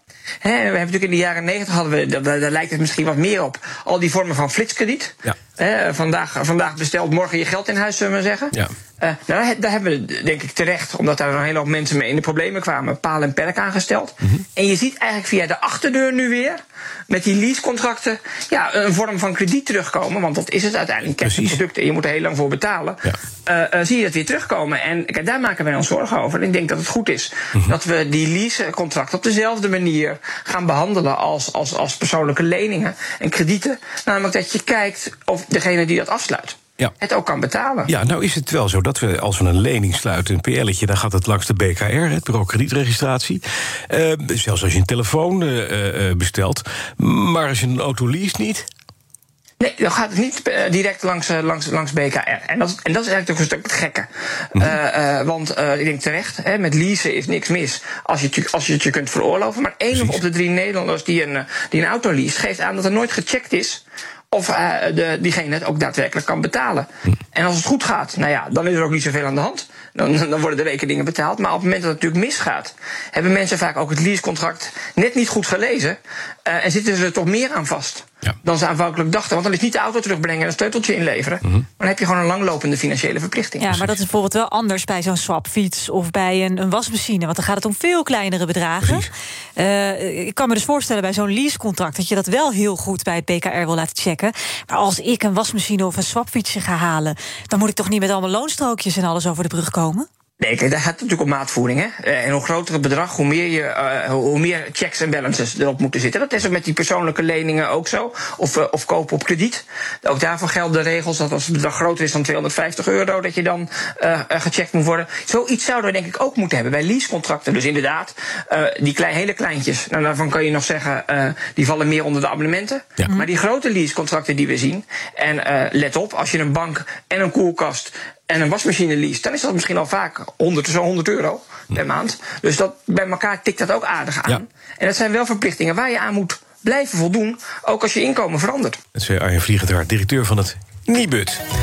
En we gaan naar de hart van de ANWB. De, A12 nog steeds eh, vast daar, eh, Erwin? Ja, nog steeds de file oh. van de dag op de A12 Arnhem-Duitse grens... door een vrachtwagenongeluk bij Afrit Beek. Een kwartier vertraging in 4 kilometer file en de rechterrijstrook is dicht. Verder alleen nog wat vertraging op de A10 bij Afrit Volendam. Zal wel met die uh, brand uh, aan de geluidswand te maken hebben. De begroeiing van de geluidswand die is al lang geblust. Maar misschien dat er nog iets moet gebeuren. flitsers op de A12 Utrecht-Den Haag. Hectometerpaal 12,8. En de A58 Vlissingenbergen op Zoom bij 148,2. 17 over 9. De vraag naar Airco zal de komende dagen naar recordhoogte stijgen, zegt Techniek Nederland. Maar ja, ik heb een vriend toevallig met wie ik contact heb nu. Die heeft net gehoord dat hij over vier weken zijn airco heeft. En hopen dat het dan nog mooi weer is. En die heeft nog inderdaad wat gemachineerd en kon er voer uit. Want ja, de meeste installateurs die kunnen de vraag gewoon niet aan. En die moeten nieuwe klant op een wachtlijst zetten. Als je nu een airco bestelt, moet je geduld hebben. Dus mijn vriend heeft wel mazzel dat hij over vier weken al, al aan de beurt is. Verslaggever Martijn de Rijk die eh, gaat uh, langs bij mensen die wel op tijd waren. In Al van der Rijn ben je volgens mij, Martijn. Goedemorgen. Goedemorgen, Bas. Jazeker, ik uh, sta in de woonkamer. Uh, tuin op het zuiden, ja. nou, dan weet je het al. En uh, slaapkamers ook op het zuiden, ja. precies. En dan, en dan natuurlijk werkkamer onder de dakpannen. Dus nou ja, dan kan je het een beetje bij elkaar optellen... voor in deze coronatijden, dat mensen toch uiteindelijk denken van ik wil zo'n airconditioning hebben. En deze mensen die hebben dat echt gewoon inderdaad, zoals je dat daarnet ook zei, uh, helemaal op tijd uh, besloten. Mm -hmm. uh, Martin Hoekstra van ST Warmte. Want die wachtlijsten die zijn echt wel heel fix bij jullie, toch? Ja, nou ja, in de hele branche wel, denk ik. Maar ja, deze mensen waar we vandaag staan, daar gaan we twee airco's plaatsen. En die hebben inderdaad vorig jaar al in november vorig jaar, de aanvraag gedaan. En ja, die, die plaatsen we dus vandaag. En uh, ja, dat, dat, dat, dat duurt dus een halfjaartje. Uh, op dit moment, als mensen nu airco willen hebben... Ja, dan zijn ze zo'n beetje eind september aan de beurt. Dus, dus dat, is, dat is rijkelijk Zeg maar, dan wordt een beetje een winter-airco. Uh, ja, dus de wachttijden lopen, lopen goed op in de airconditioning. Ja, waar komt het op? Ja, oké, okay, het zal het hete weer zijn. Maar hoe kan het zijn dat we dan opeens de airconditioning met z'n allen ontdekten? Ja, dat, dat is natuurlijk wel, wel verklaarbaar. Uh, aan de ene kant hebben we drie enorme warme zomers gehad. Uh, en we weten dat dat uh, ja, de aankomende jaren ook gewoon weer gaat komen. Aan de andere kant werken we veel meer thuis. Dus we zien dat we heel veel werkkamers nu voorzien van airco's. Ja, zoals hierboven ook gebeurt op dit moment. Ja, ja. Maar wat we ook zien is dat mensen waar ze vroeger dan alleen voor de slaap slaapkamer bijvoorbeeld een airco aanschaften... dat ze nu toch uh, uh, ook voor de werkkamer of zelfs voor de woonkamer units kopen. Dus ook de opdrachten worden groter. en dat heeft waarschijnlijk toch weer te maken met dat, het feit dat we afgelopen jaar aan andere dingen... Ja, aan horeca en detail... we hebben geld, ja. ja, ja minder geld hebben uitgegeven. We kunnen nu op vakantie, ja, nu langzaamaan weer heel voorzichtig. Maar, dus ja, het, het geld is ook aanwezig om, om het goed in je huis te investeren. Ja. Kun je iets zeggen over hoe groot die markt...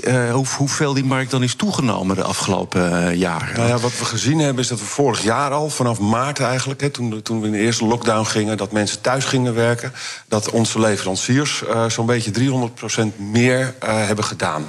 dus en, en, en dit jaar is dat nog eens een keer 150 300 procent. en dan nog 150 op die 300 procent. Dit jaar zijn we dus anderhalf keer zoveel airco's aan het plaatsen als vorig jaar. En vorig jaar was dat drie keer zoveel. Dus het is echt een explosief gegroeide markt. Ja.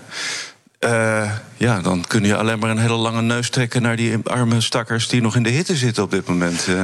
Ja, nou dat, dat niet. Ik, het liefste zou ik eh, de mensen ervoor hebben om het allemaal te kunnen plaatsen. Oh, want het is natuurlijk ook een groot probleem voor jullie. Je hebt de technici helemaal niet. Uh, we zitten met de techniek al, al, al jarenlang met een schreeuwend tekort aan vakmensen. We leiden zelf mensen op. We hebben zelf afgelopen jaar ook weer vijf extra airco-monteurs opgeleid. Maar ze zitten bomvol. Dus het is echt zaak dat we. Dat we ja, dat is de uitdaging bij ons in de branche. Dat we zoveel mogelijk goede mensen binnenkrijgen... of, of de kans krijgen om ze op te leiden. Dus ja, uh, bij deze een oproep om, om, om toch alsjeblieft in de techniek te komen werken. Ja, eventjes voor de duidelijkheid, want je, jullie zijn van oorsprong een verwarmingsbedrijf... Ben je altijd als eerste op de hoogte van het laatste nieuws. Luister dagelijks live via internet. Bas van Werven. En heel langzaam komt de zon op rond dit tijdstip. Je krijgt inzicht in de dag die komt op BNR, het Binnenhof in Nederland en de rest van de wereld. De Ochtendspits. Voor de beste start van je werkdag. Blijf scherp en mis niets. BNR Nieuwsradio. De Ochtendspits. Bas van Werven. Goedemorgen, het is vier over half tien, het laatste half uurtje van uh, deze ochtendspits. En dan aandacht voor twee explosieve memo's. De twee hoogste ambtenaren van de Belastingdienst wisten wel degelijk van een explosief memo in het toeslagenschandaal, terwijl ze dat onder Ede verklaarden niet te weten. Ze ontkenden dat tijdens hun verhoor door de parlementaire ondervragingscommissie Kinderopvang Toeslag. En dat is het beruchte memo Palmen, vertelt politiek verslaggever Sophie van Leeuwen. Dat is van een uh, juriste, een hoge juriste bij de afdeling toeslagen. En zij heeft al in 2017 gewaarschuwd dat het helemaal mis was. En dat de Belastingdienst toeslagen laakbaar gehandeld heeft. Er moesten ouders gecompenseerd worden, 300 ouders. En nu uh, ja, uh, zitten we dan uh, met die hoge ambtenaren. waarvan we denken: hé, hey, wat hebben ze nou eigenlijk gezegd in, de, in die enquêtezaal? Mm -hmm. De ex-baas van de Belastingdienst, Jaap Uilenbroek, zei vorig jaar: ik ken de memo op geen enkele manier. Ook de ambtelijke baas op financiën, Manon Leijten, die zei: Ik kan me niet herinneren dat ik die memo heb gelezen. En nu blijkt, schrijven RTL en Trouw, dat die wel is besproken, wel degelijk in 2019. En dat was niet zomaar op een vergadering in een hoekje ergens van een ministerie. Dat was een crisisbespreking. En daar zaten twintig ambtenaren bij. Dus dat was nogal een bespreking waarin die memo op tafel is gekomen. Precies, dat zou je ook bijna niet meer niet kunnen herinneren, zou je kunnen zeggen. Hè? Dat zou je denken. Ja, ja. maar het lijkt cruciaals en essentieels. Nee, precies. Sterker, die memo die lijkt gewoon te zijn weggemoffeld. Hè? Gewoon onder tafel te zijn geschoffeld in 2019. Nou ja, daar lijkt het dus nu wel op. Hè. Er uh, is toen besloten. Uh, de memo, Palme, die wordt niet gearchiveerd. Dat is een suggestie geweest. Uh, door lagere ambtenaren. Het gevolg is geweest van die suggestie dat deze memo niet boven tafel kwam, niet in het parlement. Toen onder andere Pieter Omzicht uh, uh, eindeloos vroeg naar meer papieren, meer inzagen. Uh, WOP-verzoeken, ook van journalisten. En dat is eigenlijk wel tegen de regels mm om dat zo niet te archiveren. Ja. Toch is de suggestie overgenomen door de leiding. Het is niet vastgelegd, dat document. En pas in 2020 kwam het per toeval boven tafel. Ook weer naar doorzagen van Pieter Omzicht. Nou, later is in het debat over het aftreden van het kabinet... Uh, toegezegd door, door Rutte, uh, Mark Rutte en Huffelen, de staatssecretaris... we gaan dit onderzoeken, deze doofpot. En dat gebeurt op dit moment door een accountancykantoor PwC. Die zijn daarmee bezig, mails doorspitten, appjes. Wat is er nou eigenlijk gebeurd met die memo-palmen? Ja, maar de, de, de, grote vraag is natuurlijk: hebben ze nou gelogen of zijn ze het gewoon vergeten? Bewijs dat maar eens, dat is echt lastig. Dat is lastig. Eh, de ambtelijke baas Financiën die zegt. Ik kan het me niet, herinneren. Nee, nou, nee. Dat hebben we vaker gehoord in Den Haag en dat werkt altijd. Mm -hmm. uh, Ex-chef Belastingdienst, de, ik ken de memo op geen enkele manier. Maar, maar... Dat zou natuurlijk kunnen. Er komen allerlei papieren voorbij. Ja. Uh, ik heb geen idee of er wordt gelogen of dat men het echt is vergeten. Maar als je geheim overleg met 20 ambtenaren in de zaal, Allah. Dat zou je kunnen herinneren, denk ik dan. Dat is toch een beetje gek en dat roept heel veel vragen op. En, en liegen onder Ede is natuurlijk strafbaar. Ze stonden onder Ede vorig jaar in de enquêtezaal. En dat heet gewoon mijn Dus nou ja, we hopen dat dat meevalt. Maar dat is nu wel aan de orde, die vraag. Ja, volgende bom vervat in een memo, die van Pieter Omtzigt... die gistermiddag uitkwam. Je hebt hem gisteravond gelezen, alle 73 pagina's. Alle drek van het CDA op straat? Dat kun je wel zeggen, ja. Een volledig uh, drek, nu openbaar. Het is wel echt het verhaal, het persoonlijke verhaal van Pieter Omtzigt. Het is ook een emotioneel verhaal. Het gaat natuurlijk ook over de toeslagenaffaire, hoe die is tegenwerkt. Maar het gaat ook over tegenwerking jarenlang binnen het CDA. Hm. Hoe hij dat heeft ervaren. En, en hoe hij ook de strijd om het lijsttrekkerschap is verloren. Uh, tegen de jongen. Hij werd nummer twee. Vervolgens werd hij aan de kant gezet, zegt hij eigenlijk, voor Wopke Hoekstra. Terwijl hem was beloofd, nee, als de jongen weggaat, dan ben jij de nummer één. Dus daar zit heel veel teleurstelling in, woede. En we weten allemaal, die man zit nu thuis al een poosje met een burn-out. Dus ja, dat is ook wel het resultaat, denk ik, van wat daar gebeurd is. Ook in die partij. Mhm. Wat, wat, wat, wat gebeurt er nu? Want uh, er zijn allerlei dingen uitgelekt uit dat memo. Uh, allereerst natuurlijk heel belangrijk. Dit wordt opgetekend, het is het persoonlijke verhaal. Zij al van omzicht, een man die, die overspannen thuis zit. Uh, ja, een man die over het algemeen zeer goed geïnformeerd is en heel erg goed bijhoudt wat er gebeurt. Ja. We kunnen we stellen dat dit gewoon waar is wat hij hier roept. Nou, ik vind het wel een interessant stuk om te lezen. Er zijn ook heel veel dingen die heel herkenbaar zijn over mhm. wat we de afgelopen tijd hebben gezien bij het CDA. En dit is ook onderdeel van de, de officiële evaluatie. Daarom heeft hij het geschreven en hij stuurt het op naar Lisbeth Spies van het CDA. Die onderzoekt dat van wat is er gebeurd in die mislukte campagne. Hè, die leidde tot uh, de ondergang en, en, en, tot 14, uh, 15 zetels. Um, dus ja, dit is niet zomaar een stuk. Dat moet je wel serieus nemen. Ja. Uh, interim voorzitter van Rij die zegt... ja, het is wel op persoonlijke titel. Hè. Wij in de top hebben dit stuk niet gezien. Hij zegt eigenlijk ook, wij hebben het niet gelekt. Vragen ze dan wel...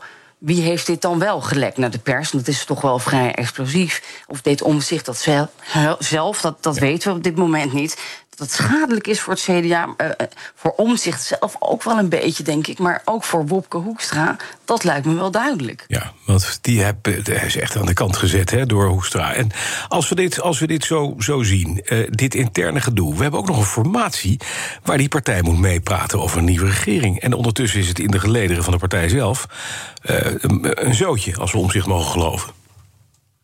Dat is wel ja, wederom heel onrustig uh, in, in die partij. En dat is natuurlijk niet per se goed nieuws uh, voor de formatie, denk ik.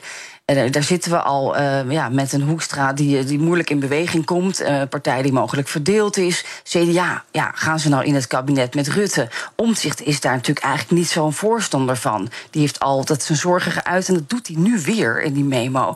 Over de cultuur in Den Haag. Katshuis overleggen achter de schermen. De, cultuur, de, ook de macht van de polder. Um, dat moet allemaal heel erg anders. Maar goed, die man die zit voorlopig thuis met een burn-out. Ja. Sinds hij weg is, gaat het ook alleen maar over Pieter Omzicht. Functie elders, mondkapjes van Seward. Uh, en nu dit weer. Maar voor de formatie is dit natuurlijk niet helemaal lekker. Want je hebt een stabiele zin nodig uh, om een regering uh, mee te kunnen formeren. En zij zijn natuurlijk wel deel van het gedroomde motorblok. Ja, absoluut. D66 en de VVD. Ja, waar uh, uh, Hoekstra met de enkeltjes tussen blijven zitten in dat motorblok. Zo lijkt het hè, nu als we dit, uh, dit memo zo zien. Het is ook voor, voor Hoekstra een, een schadelijk verhaal. Er is er ook nog een, een verhaal over ja, sponsorgeld in het verkiezingsprogramma. Hoe zit dat precies? Ja, en dat is inderdaad wel een beetje een, een lelijk verhaal. Uh, eigenlijk beschuldigt Omzicht uh, de partij ervan... van ja, jullie hadden eigenlijk niet genoeg geld in kas voor de campagne. Ja. Uh, de jongen was toen lijsttrekker, maar ook he, chef corona. Dat ging niet helemaal lekker in de peilingen. En ja, we hebben gewoon cash nodig. En hij zegt, ja, daar is toen eigenlijk ook met sponsors gesproken... en 1 miljoen op tafel gekomen. dat zou MKB-geld zijn geweest. En in ruil daarvoor zou er ook invloed zijn ingekocht in het verkiezingsprogramma verkiezingsprogramma van Wopke Hoekstra uiteindelijk. De Nieuw Deal. Dus Wopke Hoekstra zou naar voren zijn geschoven. Uh, nou, de Nieuw Deal kwam op tafel, wat voor zich als een verrassing kwam. Ja, met ook cadeautjes voor bedrijfsleven, zoals geen erfbelasting voor bedrijven tot een miljoen euro. Of uh, ook nou, vrijstelling. Uh, gewoon voordelen voor het bedrijfsleven. In, ruil voor geld. Nou, dat is natuurlijk wel een heel lelijk beeld. En dat schuift hij eigenlijk ook in de schoenen van Wopke Hoekstra. Nou, dan moeten we natuurlijk wel straks gaan vragen aan, aan, aan Hoekstra... wat, is dit? Is dit, is dit waar? Ja.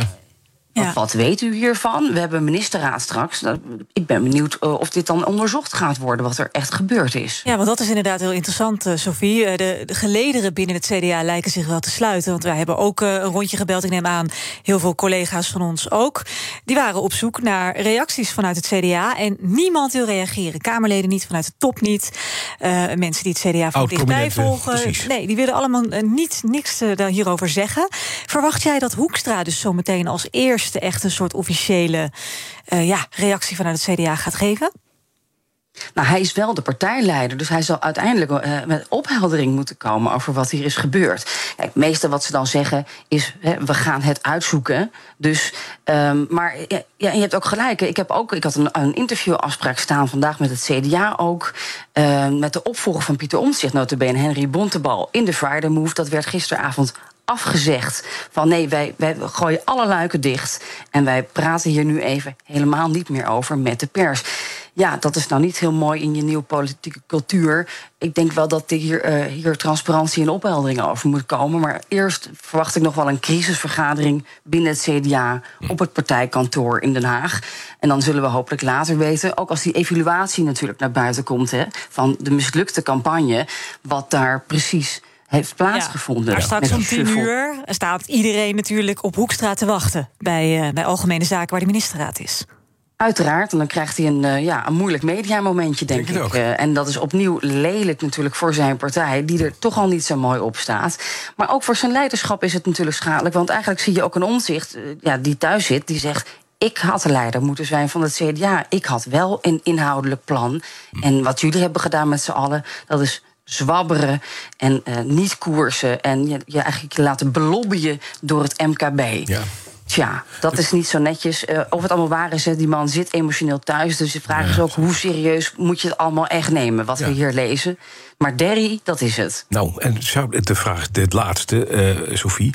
Kan je aanblijven als je zo'n stuk geschreven hebt binnen zo'n partij? Of moet je inderdaad gewoon dezelfde conclusie trekken en zeggen: ik stap eruit? Hè? Na 314.000 voorkeurstemmen, nummer twee tijdens de verkiezingen? Ja, ik uh, denk dat dat een belangrijke vraag is voor, uh, voor Pieter Omtzigt. Persoonlijk denk ik dat die man uh, echt intrinsiek gemotiveerd is geweest om die partij te verbeteren. Ja. en al die tijd ook in de toeslagenaffaire uh, ja, is hij gebleven? Heeft hij zich toch constructief opgesteld? Uh, ik, denk, ik denk niet dat hij eruit stapt persoonlijk. Maar goed, uh, je moet ook maar zien hoe die, hoe die uit de overspannen situatie terug gaat komen. Dat gaat nog maanden duren. Ik denk dat dit, dit ook niet helpt dat het nu weer over Pieter Omzicht gaat. Nee, precies. ik verwacht een loyale Pieter Omzicht. Misschien dat hij hoopt dat hij ooit later wel de gooi kan doen naar partijleiderschap. Hm. als Wopke Hoekstra misschien weer een nieuwe baan heeft. Sophie van Leeuwen zei dat onze politiek verslaggever. We gaan naar eh, Erwin de Hart van de AWB. Erwin, is er nog iets te doen op de... Althans, ja, je hebt hopelijk door te rijden op de Nederlandse snelweg... maar ook nog dingen die dat eh, doorkruisen? Ja, er staat een file op de A12 Arnhem-Duitse grens bij Afrit Beek. Door een vrachtwagenongeluk, nu 3 kilometer file. En op de A12 Utrecht richting Den Haag is net een ongeluk gebeurd bij Zevenhuizen.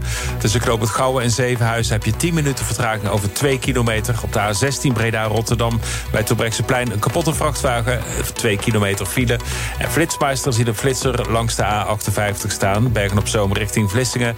Hectometerpaal 149,8. Ja, dan gaan we nog uh, voor de laatste maal deze uh, week. PNR's Big Five, zometeen na tien uur... onder leiding van Diana Matroos. Met de, de toppertjes uit het strafrecht bedoelen niet... Uh, de tachies van deze wereld, maar juist de mensen die hen bijstaan. Topadvocaten, met name met strafrecht, heb je. Ja, nou, en we gaan vandaag eventjes een uh, stap maken, maken ja? naar het economisch strafrecht, als je het zo uh, mm -hmm. zou mogen noemen.